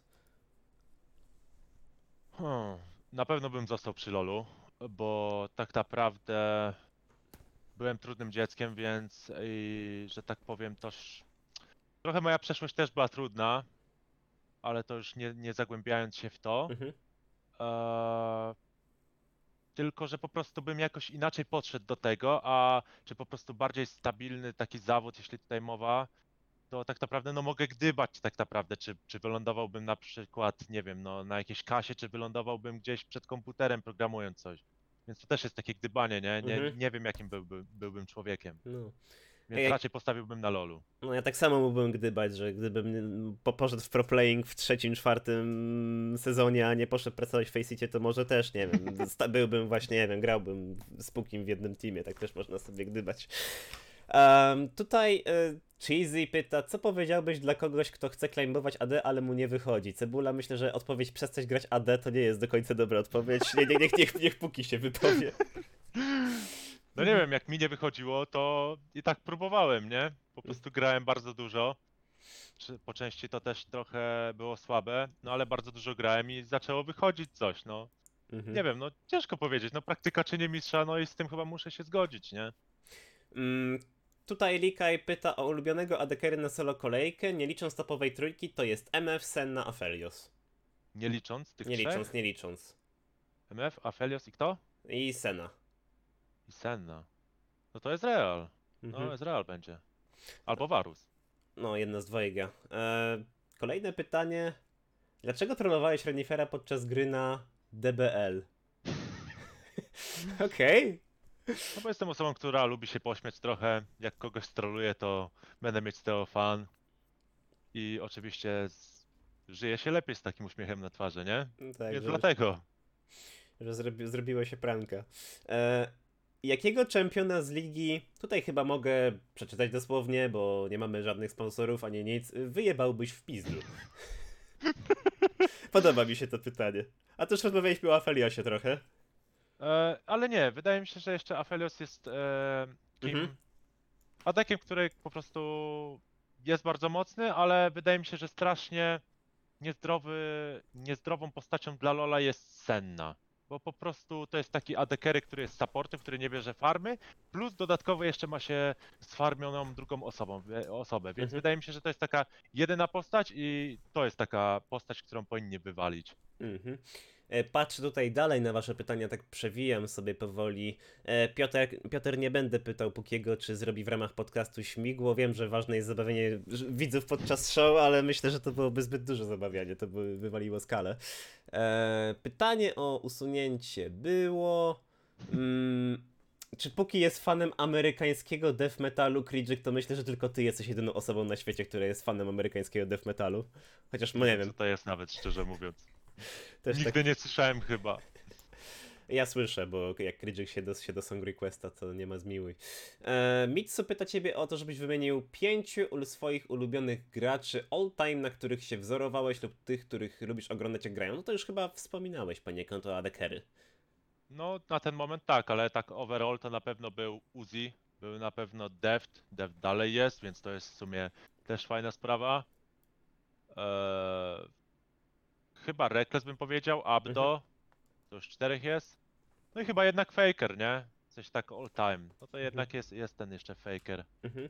I tutaj takie pytanie, i jestem ciekaw, czy odpowiedź jakby tutaj będzie się nakładała na to, co powiedziałeś, bo głównie wspominasz jakby tutaj graczy z y, Azji. Ulubiona liga do oglądania.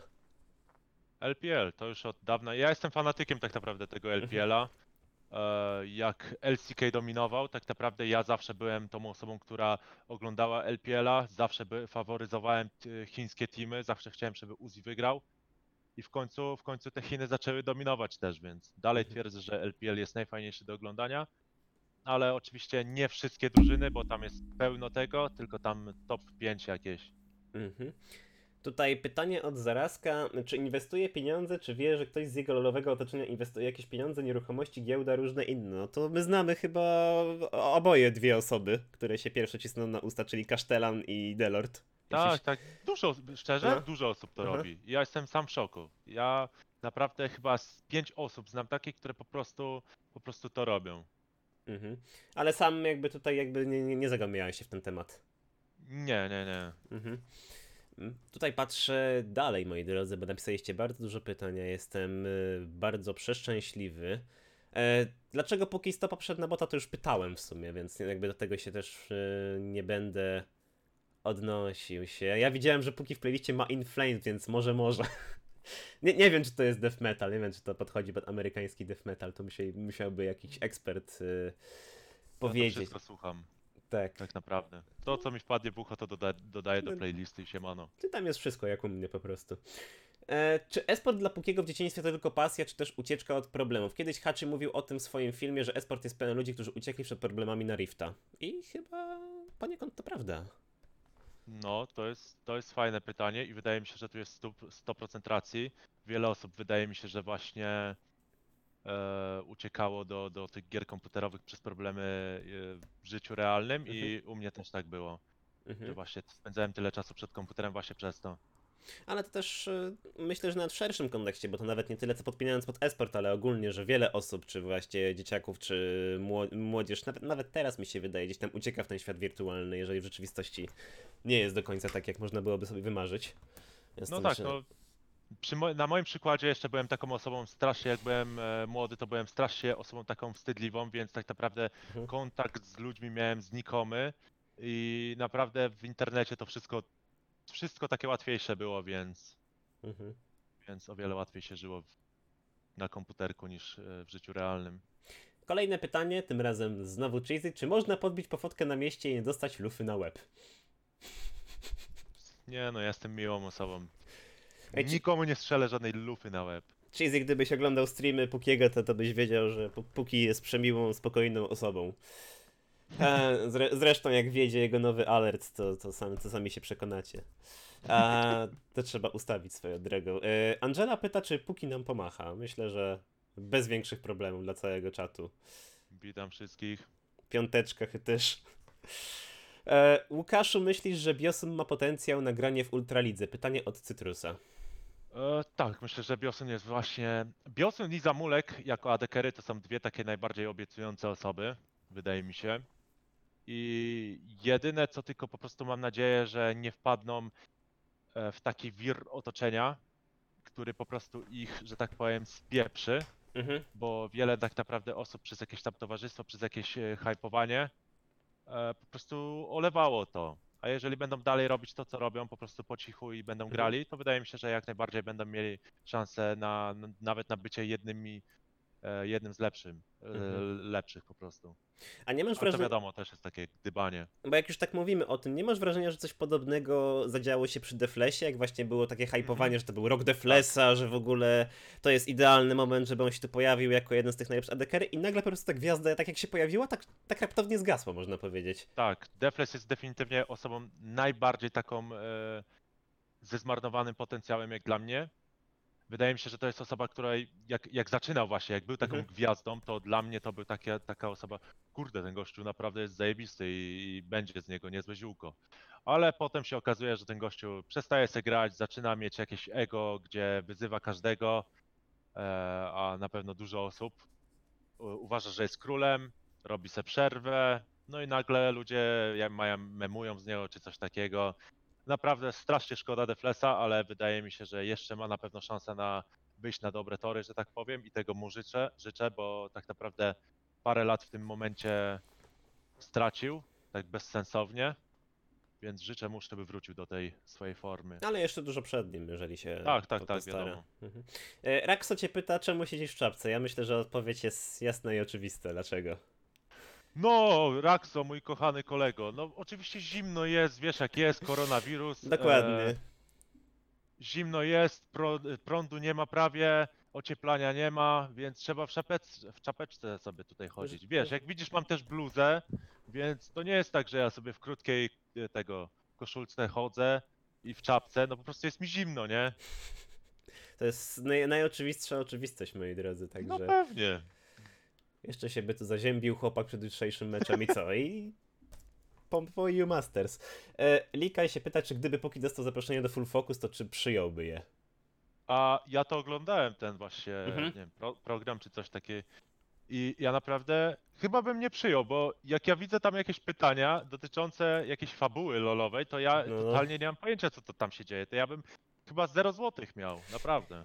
Znaczy, jak jeszcze wymieniają, na przykład wymień pięć postaci z Ioni czy coś z Noxusu, to No jest ja jeszcze... nie wiem co to jest, nie, ja nic, Nie? nie, wiem, nie, po- nie, nie powiem ci jednej postaci nawet z tego. Ja, czekaj, Udyr to jest, z czego jest Udyr? Udyr jest z czegoś? Z gówna, Nie, bo jeżeli kiedyś, chodzi o design. Na samym początku były takie rozgrywki, Team Noxus i Team Ionia chyba i właśnie tam Udyr Tak, był. Ta, I tam, to tylko z tego mi się kojarzy. No tak, to Ionia, jeśli się nie mylę. To tak, no to jedno, jedną postać mamy, to już jest dobrze. I to jest jedyna postać, którą będę wiedział. Mhm. No ale tak to jeszcze Irelia chyba z takich najbardziej związanych z Ionią. No i... To fajnie wiedzieć, bo nie wiedziałem. No. Ale to już jest inne. Jak, będzie- jakby ktoś chciał was, z was pomęczyć Pukiego takim pytaniem, to droga wolna, ale myślę, że nie chcemy tutaj jakoś specjalnie yy, męczyć. O, lubisz czytać? Co ostatnio. Czy, o, właściwie powinien to zaintonować jako pytanie. Czy lubisz czytać? Co ostatnio ciekawego przeczytałeś? Pyta Stefanek. Co ostatnio przeczytałem? Prawdopodobnie newsy e, na, na temat Mhm. koronawirusa. To, to, to jest chyba jedyne, co czytam ostatnio. Mhm, Więc nie, nie lubię czytać, ale to jest takie. To jest taki przymus, że tak powiem. mhm. Yy, Gdyby Puki miałby zmienić rolę na inną, to na jaką? To na pewno byłby mid albo top, chociaż bardziej bym się kierował do topa po prostu, bo grałem tę, tę rolę. Wiem, że Mhm. na pewno na, na midzie miałbym większe predyspozycje, ale po prostu na topie grałem, topa lubiłem naprawdę, lubiłem grać jakimś, e, jakimś czempionem, którym mogę za, zainicjować i, i wystartować fighta, więc raczej topa. Mhm. Zresztą Rumble na topie to w ogóle poezja, tutaj można było powiedzieć. Czy Puki pokonałby Unknowna na rękę? Pytanie od Domala, to? Kurde. Mm, Nie, wydaje mi się, że nie. Ja mam coś z barkiem, więc wydaje Mhm. mi się, że takie rzeczy. Ja naprawdę siłowo nie stoję jakoś dobrze, więc raczej Mhm. to Marcin by mnie pokonał. Mhm. Tutaj na chwilę zrobię taką małą przerwę, bo właśnie jedno pytanie wcześniej, które mi podesłał zarazem, on musiał akurat iść do pracy, ale zostały mi tutaj parę pytań.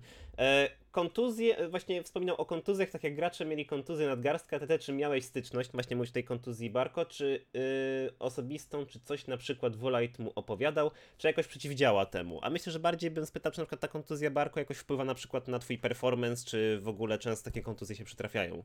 Nie, nie, nie, to tylko ja odczuwam tylko ten bark po prostu jak jakieś cię, Mhm. ciężkie rzeczy biorę, w sensie jak jakieś po prostu na siłowni biorę cięższy, e, cięższą sztangę, w sensie biorę jakieś większe ciężary, nie? A tak to, to, to w ogóle mi nie, nie, nie doskwiera, po prostu gram normalnie, ale dużo osób ma problemy z nadgarstkami, nie wiem jakim to się dzieje tak naprawdę, ale ja nigdy nie miałem styczności z takim czymś. Mhm. No tutaj piękne pytanie. Ja, ja, ja się bałem, że ktoś je zada, ale ktoś zadał.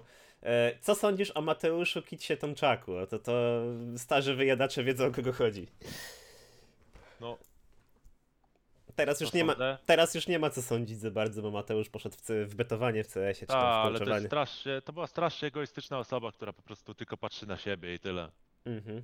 A czy ja, ja w ogóle pamiętam, tutaj część z was może nie pamiętać, ale był taki okres właśnie, gdzie Kids był w Mythium Bankers. Pamiętam, że był okres, gdzie Mokatte strasznie go bronił, a wszyscy nawet pozostali, nie, niektórzy, niektórzy gracze z Mymu, czy w ogóle community cisnęło Kidsa, że w ogóle co on robi i dlaczego właśnie jest taki unoszący się, o może to jest delikatne stwierdzenie.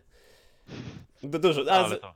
Du- Dużo było. Ja nie wiem, czy pamiętacie streamy z Tibiki Mateusza, to to pamiętam, że tak jak teraz ma się bekę z różnych rzeczy, to wtedy właśnie na tapecie były streamy z Tibiki. Em, tutaj kolejna kwestia, jak grasz off-stream, to czy grasz z muzyką? Jeśli tak, to jaki gatunek playlista? Pytanie od Angeli. O, nie no, ja mam jedną playlistę, ja mam tą swoją playlistę tak naprawdę.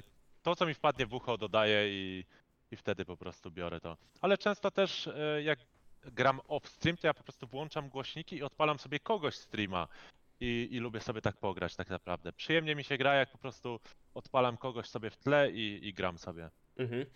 E, Rinzu cię pyta, czy chciałby, czy grał albo chciałby grać na jakiegoś gracza i go pokonać, to znaczy czułby satysfakcję pokonując go.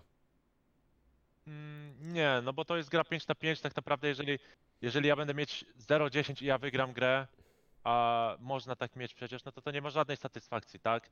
Jeżeli będę mieć e, 0-10, a, a ja będę mieć 10-0, ale na przykład mój team bez przerwy grał pode mnie i ciągle dajwował tego gościa, to też nie powinienem mieć satysfakcji tak naprawdę, więc raczej nie, to jest po prostu taki, taki ogół, że pokonałem Mhm. tą drużynę. Nie mam żadnych takich e, personalnych jeden na jeden e, potyczek, tylko po prostu to jest 5 na 5 gra. Nie można tak oceniać tak naprawdę w moim odczuciu, że, że kogoś pokonałem, bo tak naprawdę no to jest gra drużynowa. E, Tutaj pytanie od dzielnicowego. Nie, nie wiem, czemu ja jestem zawarty w tym pytaniu, ale niech będzie. Co sądzisz o Birtku? Aż się boję odpowiedzi. No co mogę sądzić? Jak No- tu jestem, to chyba spoko gościu, No. nie? Nie, nie, nie, nie możesz powiedzieć negatywnych rzeczy. No właśnie, no jakby, jakby były jakieś negatywne, to nawet byś nie usłyszał niczego tutaj. Nie wypada. E, Niecna Cebula pyta, czy napisałeś kiedyś komuś w solo kolejce kys. Nie jestem osobą, która nigdy czegoś takiego nie napisała, nigdy nie życzyłem brzydkich rzeczy ludziom.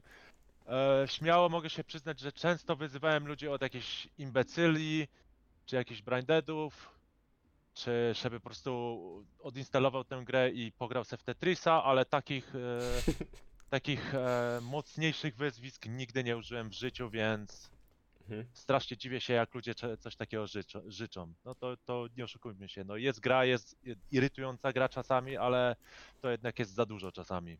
Mm, Tutaj też pa pada pytanie o to, czy dostałeś kiedyś perma w lolu.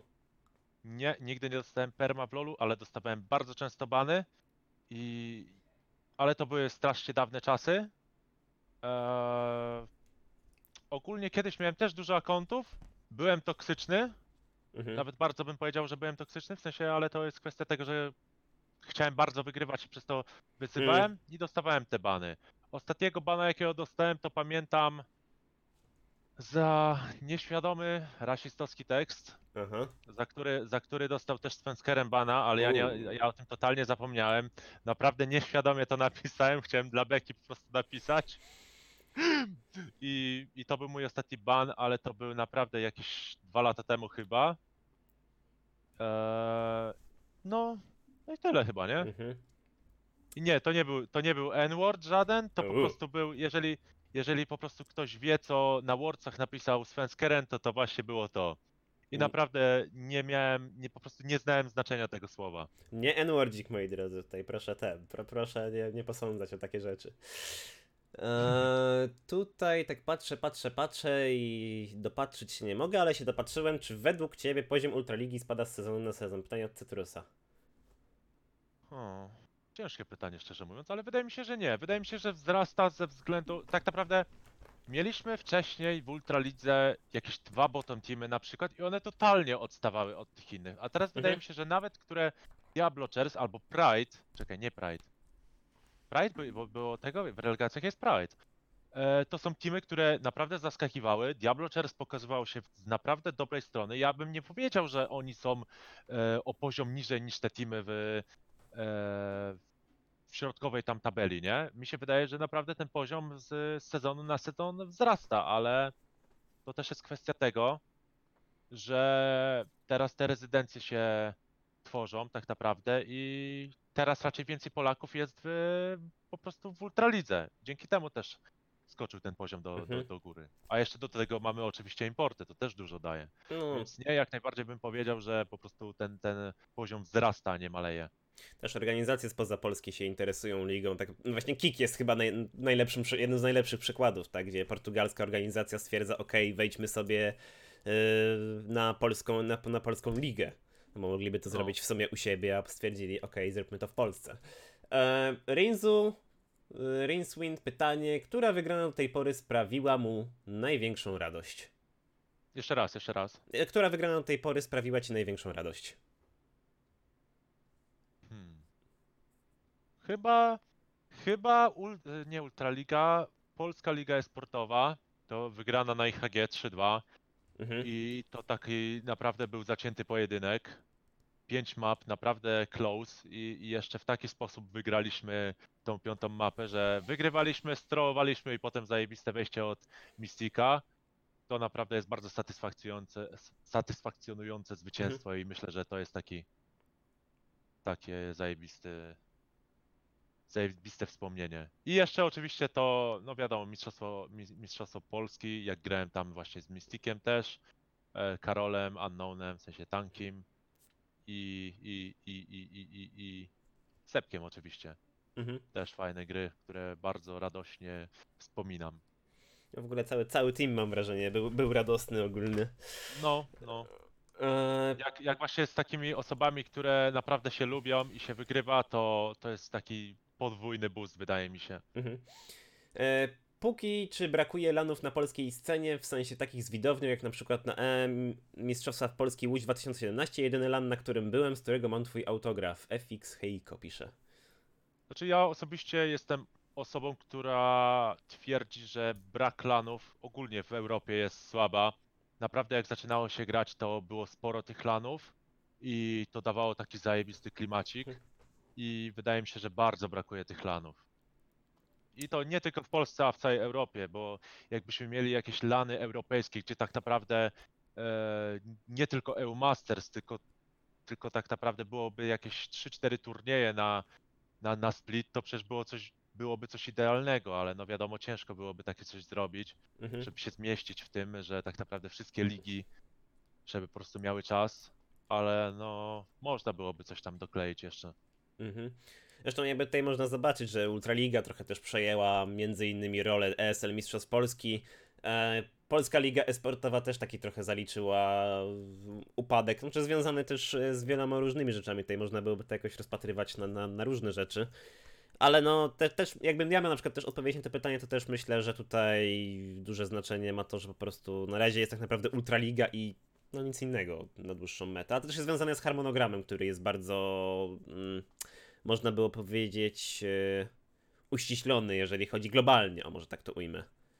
Bo to jest chyba nawet coś, o czym kiedyś Veggie się e, wypowiadał, że w Polsce jest coś takiego, że jeżeli na przykład nie wygrasz jakiegoś turnieju, w tym na przykład, przypadku na przykład nie awansujesz do EU Masters, to 3-4 miesiące nic się nie dzieje. No, Totalnie, no, tak, totalnie nic nie ma. no to jest przypał. Angela, kolejne pytanie. Co myślisz o scenie esportowej kobiecej w LoLu? Czy ma rację bytu? Jak oceniłbyś jej poziom? Znaczy, czy ma rację bytu? No na pewno ma rację bytu, no bo jeżeli kobitki mają po prostu mniejszą e, dywizję, mają tam jakieś diamenty po prostu i to wydaje mi się, że już jest spora dywizja, e, to po prostu no poziom, no poziom no, na pewno jest mniejszy, no bo wiadomo, no mniejsza dywizja, ale ciężko tak naprawdę o, nie wiem, 20 dziewczyn, które mają challengera, nie? To jest Mhm. praktycznie niewykonalne, tak mi się wydaje, bo z tego co pamiętam, to tylko Kiana taką osobą była, która potrafiła wbić challengera i, i naprawdę jeżeli, jeżeli są takie diamenty, to już wydaje mi się, że jest ok. Wiadomo, jest to coś, co nie oszukujmy się, ludzie lubią pooglądać, dziewczyny, które grają w LoL'a, Mhm. więc tak naprawdę też jakieś tam liczby wygenerują. I no nie wiem, no wydaje mi się, że jest jak najbardziej okej. No jeżeli mamy w piłce nożnej jakąś tam e, damską piłkę nożną, damską e, siatkówkę, no to czemu miałoby w LoLu nie być damskiej, damskiej sceny? Mhm. No w sumie rację. Zresztą mamy też e, parę osób, które jakby też mocno błyszczą na tej scenie kobiecej sportu. Komedia jest chyba takim naj- najbliższym przykładem tak naprawdę z, jakby z, od nas z polskiej sceny, które osiągnęły sukces na tej, na tej scenie sportowej. Co tam? No wiadomo, wiadomo. A czy, czy czemu się zaśmiałeś? Co, coś, coś mi umknęło? Eee, nie, nie, nie, w sensie no, Okej. nie no, wiadomo, no, bardzo dużo osiągnęła, Mhm. bardzo dużo, bardzo dużo osiągnęła, więc tak naprawdę no ta scena istnieje, tylko że to nie tylko na Polskę, nie? Mhm. A jeżeli chodzi o polską scenę, to tak naprawdę no o wiele mniej tego jest. Tych dziewczyn, które mają tam jakieś osiągi. No to jakby to wbicie dywizji myślę tutaj jest yy, kluczowe. Jak ten diament to już jest taka jakby podstawa myślę pod to, żeby coś tam myśleć o tym. A potem yy, można tej spra- można myśleć yy, dalej. Rengar silny w tym patchu, Krydzik, to pytanie zadajesz co każdy podcast, mój drogi. E, czy gracz, jakiś gracz z innej drużyny wyzwał go na jeden na jeden Iryly? Pytanie od Iskry. Nie, niestety tak się nie stało. Wydaje mi się, że. No, wydaje mi się, że średnio osoby, które grają tak naprawdę w Lola chciałyby się bić, nie? Mhm. Wiadomo, dużo osób lubi się powyzywać w tym internecie, ale jak już przy, przy, przyszłoby co do czego, to raczej by z podkulonym ogonem przyszły i powiedziały cześć. Mhm. E, patrzę dalej, patrzę dalej. Surif Panda, jak wspominasz gry na XCOM Clashu? Chodzi głównie o kwalifikacje do CS, a jak wyglądała domówka, na którą poszliście? Domówka, na którą poszliśmy? Ja o niczym takim nie wiem.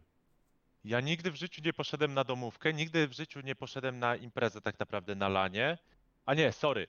Jedyna impreza, na którą poszedłem, to była na Dreamhacku, gdzie miałem chyba tam jeszcze z 19 lat, Mhm. Czyli to było we, we Szwecji. Tak naprawdę poszedłem na, do tak naprawdę klubu, gdzie spotkałem Taza i Neo i z Tazem sobie pogadałem tam chwilę, więc to był jedyny taki pozytyw tego wyjścia do klubu. Jestem osobą, która nienawidzi tych klubów, nienawi- nienawidzi imprez, więc e, szczerze nie wiem o czym on mówi. Mhm. Na pewno nie byłem brany pod uwagę wtedy, na, jeżeli chodzi o domówkę jakąś. Mhm. Sidewipe się ciebie pyta, kiedy pójdziemy na Monsterka. Zawsze jest dobry moment na monsterka. Dokładnie. Jak się skończy kwarantanna, to jest najlepsza odpowiedź teraz. E, patrzę ja dalej. E, tylko dlaczego tak jest, że dziewczyny nie mogą wbić Challengera? Pytanie od Angeli. Kolejne. Dopytuję o tą kobiecą Nie wiem. scenę. Na, pe- na pewno jest to możliwe, tak? Bo już jedna osoba miała challengera, Kiana. A czemu tak jest? Nie wiem, może po prostu mniej czasu poświęca. No, nie, nie na, naprawdę, nie wyobrażam sobie dziewczyny, która gra po 15 godzin w Lola, dzień w dzień, zaniedbując tak naprawdę dużo rzeczy. Mhm. To jest tak naprawdę taka główna kwestia dla mnie, no bo nie spotkałem się z taką dziewczyną, która mogłaby tyle tak naprawdę grać w tę grę. Więc Hmm. może to po prostu, to kwestia praktyki może. Mhm. E, tutaj myślę, że takie trochę żartobliwe pytanie, ale w sumie jestem ciekaw odpowiedzi. Co sądzisz o portalu Egil.gg? Nic, je, jeżeli ktoś sobie zarobił na to, to No. gratuluję pomysłu, szczerze mówiąc, bo żeby takie coś wymyśleć, bo czysto teoretycznie to jest taka głupota, a, a ktoś naprawdę sobie może wyfarmić kasę na tym tak naprawdę. Jest podaż, jest popyt, no prosta, prosta No. sprawa. E, czy jest jakiś gracz na scenie esportowej, tu już powoli też mówię, będziemy zmierzać powoli do końca, bo macie dużo pytań, ale czas jest ograniczony. Ja powiedziałem Pokiemu, że tak około półtorej godziny będzie. A nie chcę tutaj nadużywać jakby jego, można powiedzieć, gościnności w tym przypadku. Nie chcę dojechać też do nie wiadomo jakiego czasu, a póki zresztą, nie wiem czy wiecie, on będzie jeszcze chciał postreamować dzisiaj, przygotow- przygotować się do EU Masters, postreamować solo kolejkę, więc zapraszam później oczywiście do niego. E, czy jest jakiś gracz na scenie esportowej, której, któremu byś coś zrobił za jego zachowanie? Eee, na pewno bym Behave'owi coś zrobił, ale to już w przeszłości, teraz raczej Mhm. nie. Wtedy to właśnie tak strasznie irytowało jego zachowanie, bo niezbyt ciekawą był kiedyś osobą, teraz e, na pewno się poprawił i bardzo dobrze. Czy jest jeszcze jakaś taka osoba? Nie, no wydaje mi się, że już raczej nie ma takiego głupiego zachowania. No, raczej nie, nie. Tutaj trochę to poruszyliśmy, ale myślę, że też warto uściślić tą, s- y, tą jakby y, tą sekcję. Czego brakuje w polskiej lidze, a jest w zagranicznej? Czy zaplecze esportowe jest wystarczające, na przykład, to znaczy gaming house'y itp. czego brakuje. Może tych gaming house'ów brakuje tak naprawdę, ale jestem bardziej zwolennikiem takich bootcampów.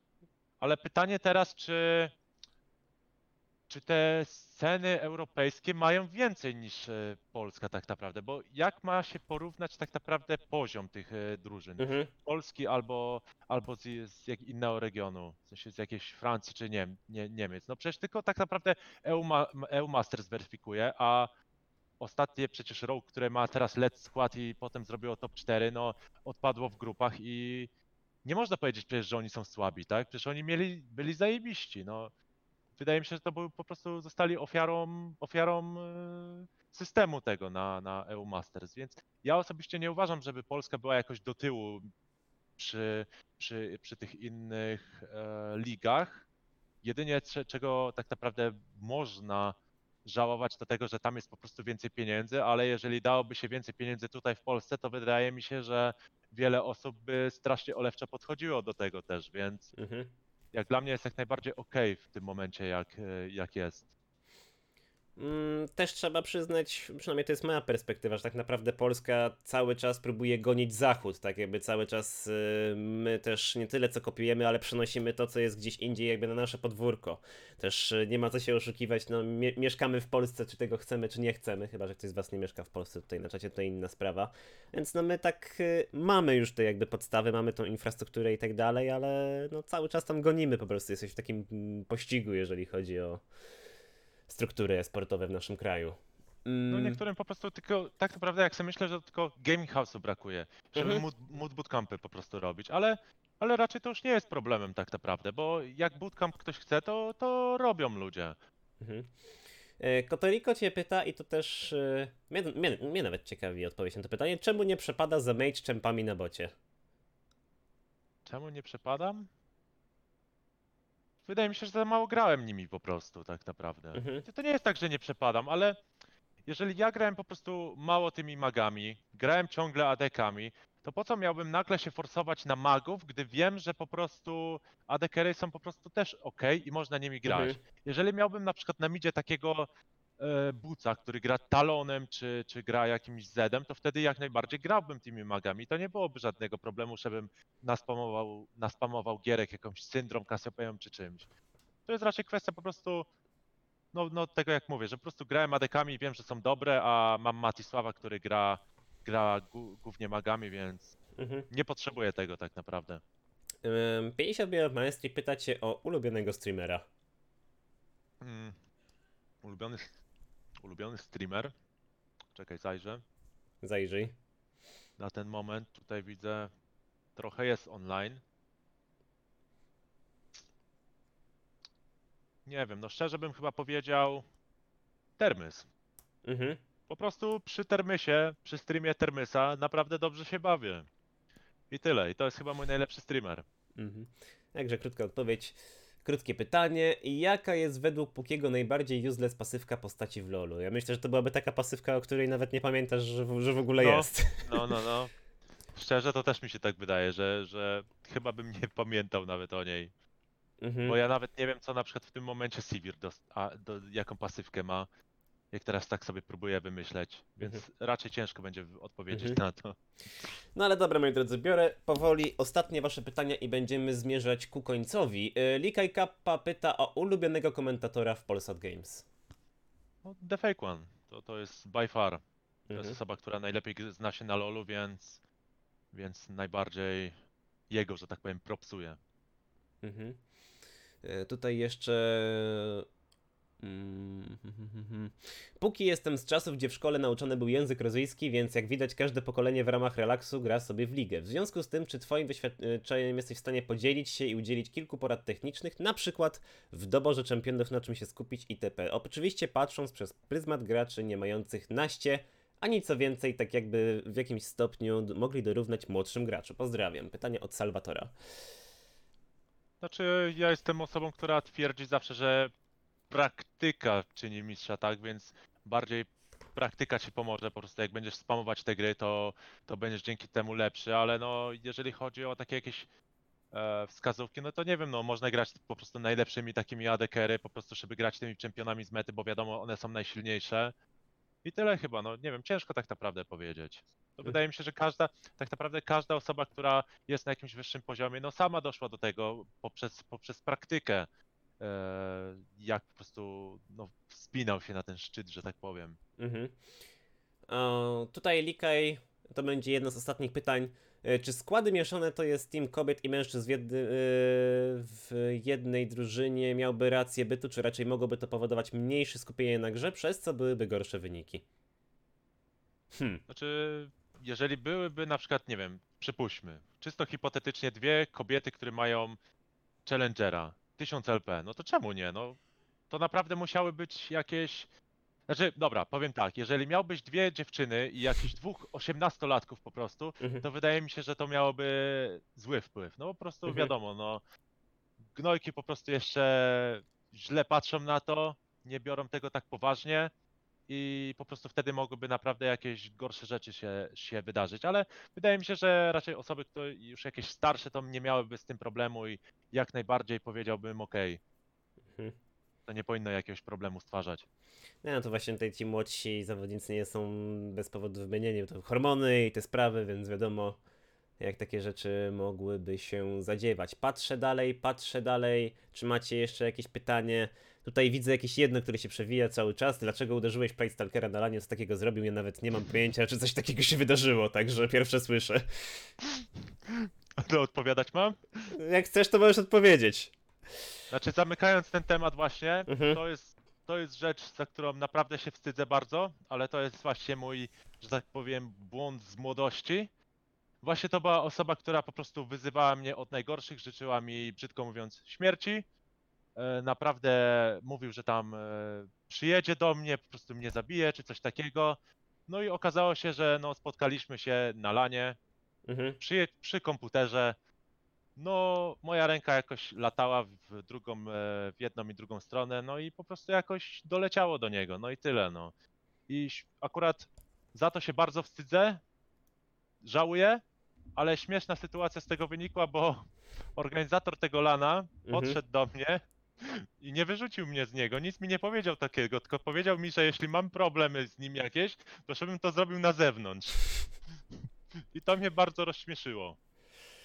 Znaczy, z Price Stalkerem to, to akurat myślę, że dużo historii można byłoby opowiedzieć, ale to już jest zupełnie inny ten, zupełnie inny temat. Awa tutaj widzę też próbuje zadać jakieś pytanie i myślę, że to będzie ostatnie od was, moi drodzy, bo zegar tyka. Czy w drużynach, w których byłeś, zdarzało się, że była na tyle zła atmosfera, że nie chciałeś być w teamku i czy to była kwestia drużynki, czy może włodarzy organizacji? Czy organi- I czy organizacje dobrze traktują graczy w Polsce? Dobra, jeżeli chodzi o atmosferę. Atmosfera nie. Raczej jestem. Ja jestem taką osobą, która raczej e, sprawia, że ta atmosfera jest trochę lepsza. Chociaż wiadomo, czasami zawsze w każdym teamie będą momenty, które po prostu będzie źle i Mhm. będzie, będą wyzwiska, będą jakieś gorsze momenty. Ale atmosfera raczej była zawsze ok. Jeszcze na przykład tak naprawdę w IHG, gdzie byłem wcześniej, przegrywaliśmy tak naprawdę, z, nie wiem, z 30 scrimów z rzędu przegraliśmy. Po takim czymś atmosfera powinna być naprawdę najgorsza, jaką by się dało mieć. A że byłem ja i Delord, Delord by, jak, jak wiadomo był odpowiedzialny za atmosferę, więc nawet w takiej sytuacji ta atmosfera była jak najbardziej ok. Więc myślę, że nie było takiego momentu, że, Mhm. że, że była słaba atmosfera i nie chciałem być w teamie. Mhm. A czy kwestia drużyny, czy, czy po prostu organizacje traktują dobrze graczy? Wydaje mi się, że większość tak, ale Są przypadki pewne. no, na pewno są przypadki, z, e, które po prostu będą tam pokazywały, że źle traktują graczy, ale ja jestem raczej osobą, która, która mogłaby się pozytywnie wypowiedzieć na, na temat wszystkich organizacji, w których byłem, a najlepiej chyba po prostu w Pompie, gdzie, gdzie Nitro to jest osoba, która naprawdę dbała o wszystko, co się dało i, i to byłem w szoku sam po prostu, jak, jak fajną osobą i pomocną, pomocną był po prostu Nitro. Mhm. E, tutaj to jest taka ostatnia moja rzecz, e, o którą chciałbym zapytać i właśnie specjalnie właściwie ją zostawiłem na koniec. E, właściwie streaming, bo od jakiegoś czasu też streamujesz, e, już zrobiłeś taką małą tradycją, że często po Ultralidze od razu odpalałeś streamka 10 minut w ogóle po twoim rozegranym meczu czasami, co ludzie się śmiali, że to rekord jakiś czasu ustanawiasz do wyjścia z Ultraligi. Ale właśnie, czy nie myślałeś jakoś, żeby mocniej pójść też w stronę streamingu? Bo wspomniałeś o tym, że później może byś e, właśnie został coachem, a tutaj tak naprawdę jest jeszcze ten streaming, na którym jakby nie patrzeć gromadzisz yy, naprawdę dużo osób. Eee, znaczy powiem tak, póki gram, póki chcę grać jako, jako gracz, to nie chcę być jakimś takim streamerem, który po prostu chce iść w tą stronę. Ja streamuję bardziej dla... Szczerze dla siebie streamuję, żeby po prostu umilić sobie czas na solo kolejce, żeby się nie, żeby właśnie się nie wypalić, bo uważam, że podczas streama o wiele lepiej mi się gra w tego Lola i, i po, jest to po prostu przyjemniejsze i na pewno mniej tiltuję wtedy na, o, na takim streamie, więc wydaje mi się, że to kwestia jest tego, żeby po prostu e, streamuję po to, żeby po prostu wpłynąć na swój performance lepiej. Mhm. I naprawdę na takiej zasadzie to działa u mnie. Także moi drodzy, jak sami słyszycie, póki tak, tutaj przypominam, że póki się odpala po tym podcaście, także zapraszam serdecznie na jego ostatni trening przed EU Masters, tak mógłby zatytułować się stream, ale każdy ma stream, tytuł póki style i to jest ten sam tytuł nieprzerwanie od kilku lat. Można byłoby powiedzieć. Ciekawe, czy stream z kamerką będzie ogólnie póki, z tego co wiem, raczej miałeś przypadki, że streamowałeś z kamerką, a chyba wolisz bez. No, czuję się bardziej, bardziej komfortowo Mhm. po prostu, no bo jak strzelę jakąś minę albo nie wiem, kinola jakoś se złapię, no to Mhm. Jakoś E- gorzej wtedy się czuję. No, akurat y, to jest y, zrozumiałe. Czy zdejmie czapeczkę? Ja nie będę o to prosił, Likej, bo ja tu, ja tu wiem, czego ty nie wiesz. E, Nie no, muszę iść do fryzjera pierw. No, także Za wiecie, długo już tutaj siedzę. kto, kto nie poszedł przed kwarantanną i tą całym koronawirusem, to teraz niech żałuje tylko. Mm, e, Darkel, co do rozkładu jutrzejszego EU Masters, to masz chyba na Liquipedii i na, ga- na Gamepedii Lola. Jak sobie wygooglasz, to jest normalnie cała rozpiska meczów, jeśli się nie mylę. E, czy Rajdzik będzie do Pukiego? Ja nie wiem, czy Puki tak szybko się odpali, szczerze powiedziawszy. Nie no, tak, tak, tak szybko to nie. Jeszcze coś Nie. oszamać trzeba. Dokładnie, coś oszamać, chwilę odpocząć i wtedy można być solo queue ready. No, teraz, teraz wszyscy będą się chwalili, jak, jak bardzo zarośli przez ten czas. Ja się bardzo cieszę. Bo, ja się bardzo cieszę, moi drodzy. Ja, ja, akurat jestem tym szczęśliwcem, który prze, przy, te, tuż przed y, ogłoszeniem kwarantanny i zamknięciem wszystkich tych punktów poszedł do fryzjera na, na ostatni rzut, także ja mogę powiedzieć S. Ale kończąc ten podkaścik, bo minęło już ponad półtorej godziny. Póki ja Ci bardzo dziękuję w ogóle za to, że zgodziłeś się być gościem. Mam nadzieję, że Ci się podobało, że Cię nie zamęczyłem za bardzo. Nie no, oczywiście, że nie, fajnie było. E, moi drodzy, kochani widzowie, tutaj część jest e, z stałymi walcami, część przyszła akurat na, na okazję podcastu. Mam nadzieję, że Wam się podobało. Mam nadzieję, że miło spędziliście te e, półtorej godziny. Jeżeli spytacie, kiedy następny Beardcast, albo jeżeli chcielibyście obejrzeć ten podcast jeszcze raz razem z timestampami, to oczywiście będzie dostępny na YouTubie i na Spotify'u. Tam, gdzie zawsze, o tobie też widzę, czat dziękuję, także myślę, że podcast się jak najbardziej udał. Także póki jakbyś chciał coś jeszcze powiedzieć na koniec, jakoś się ładnie pożegnać albo coś takiego, to myślę, że to jest właśnie idealny moment. No myślę, że ja po, polecę po prostu klasyczkiem, gdzie dużo osób naprawdę już to powtarzało. To powtórzę jeszcze raz. Pozdrawiam Termysa, nie? Ja również pozdrawiam Termysa. Moi drodzy, było mi niezmiernie miło Was gościć dzisiaj. Widzimy się, jeżeli chodzi o moje streamy, jak wiadomo, całkiem często, no, naj- najszybciej jutro. A jeżeli chodzi o podkaścik, to myślę, że kolejny za 2-3 tygodnie. Nie bejtujcie tutaj na żadne daby. Moi drodzy, właśnie, póki nie umie daba, zresztą sam napisał, więc proszę go tutaj ten nie męczyć, ale ja mogę się tylko ukłonić na koniec, pożegnać z wami. Jeszcze raz dzięki za to, że byliście i widzimy się niedługo. I tak jak mówię, zapraszam do Pukiego na stream, pewnie za jakąś godzinkę, dwie, coś takiego strzelam, że tak będzie. No. Także trzymajcie się, siemano, kłaniam się i do następnego. Cześć, cześć.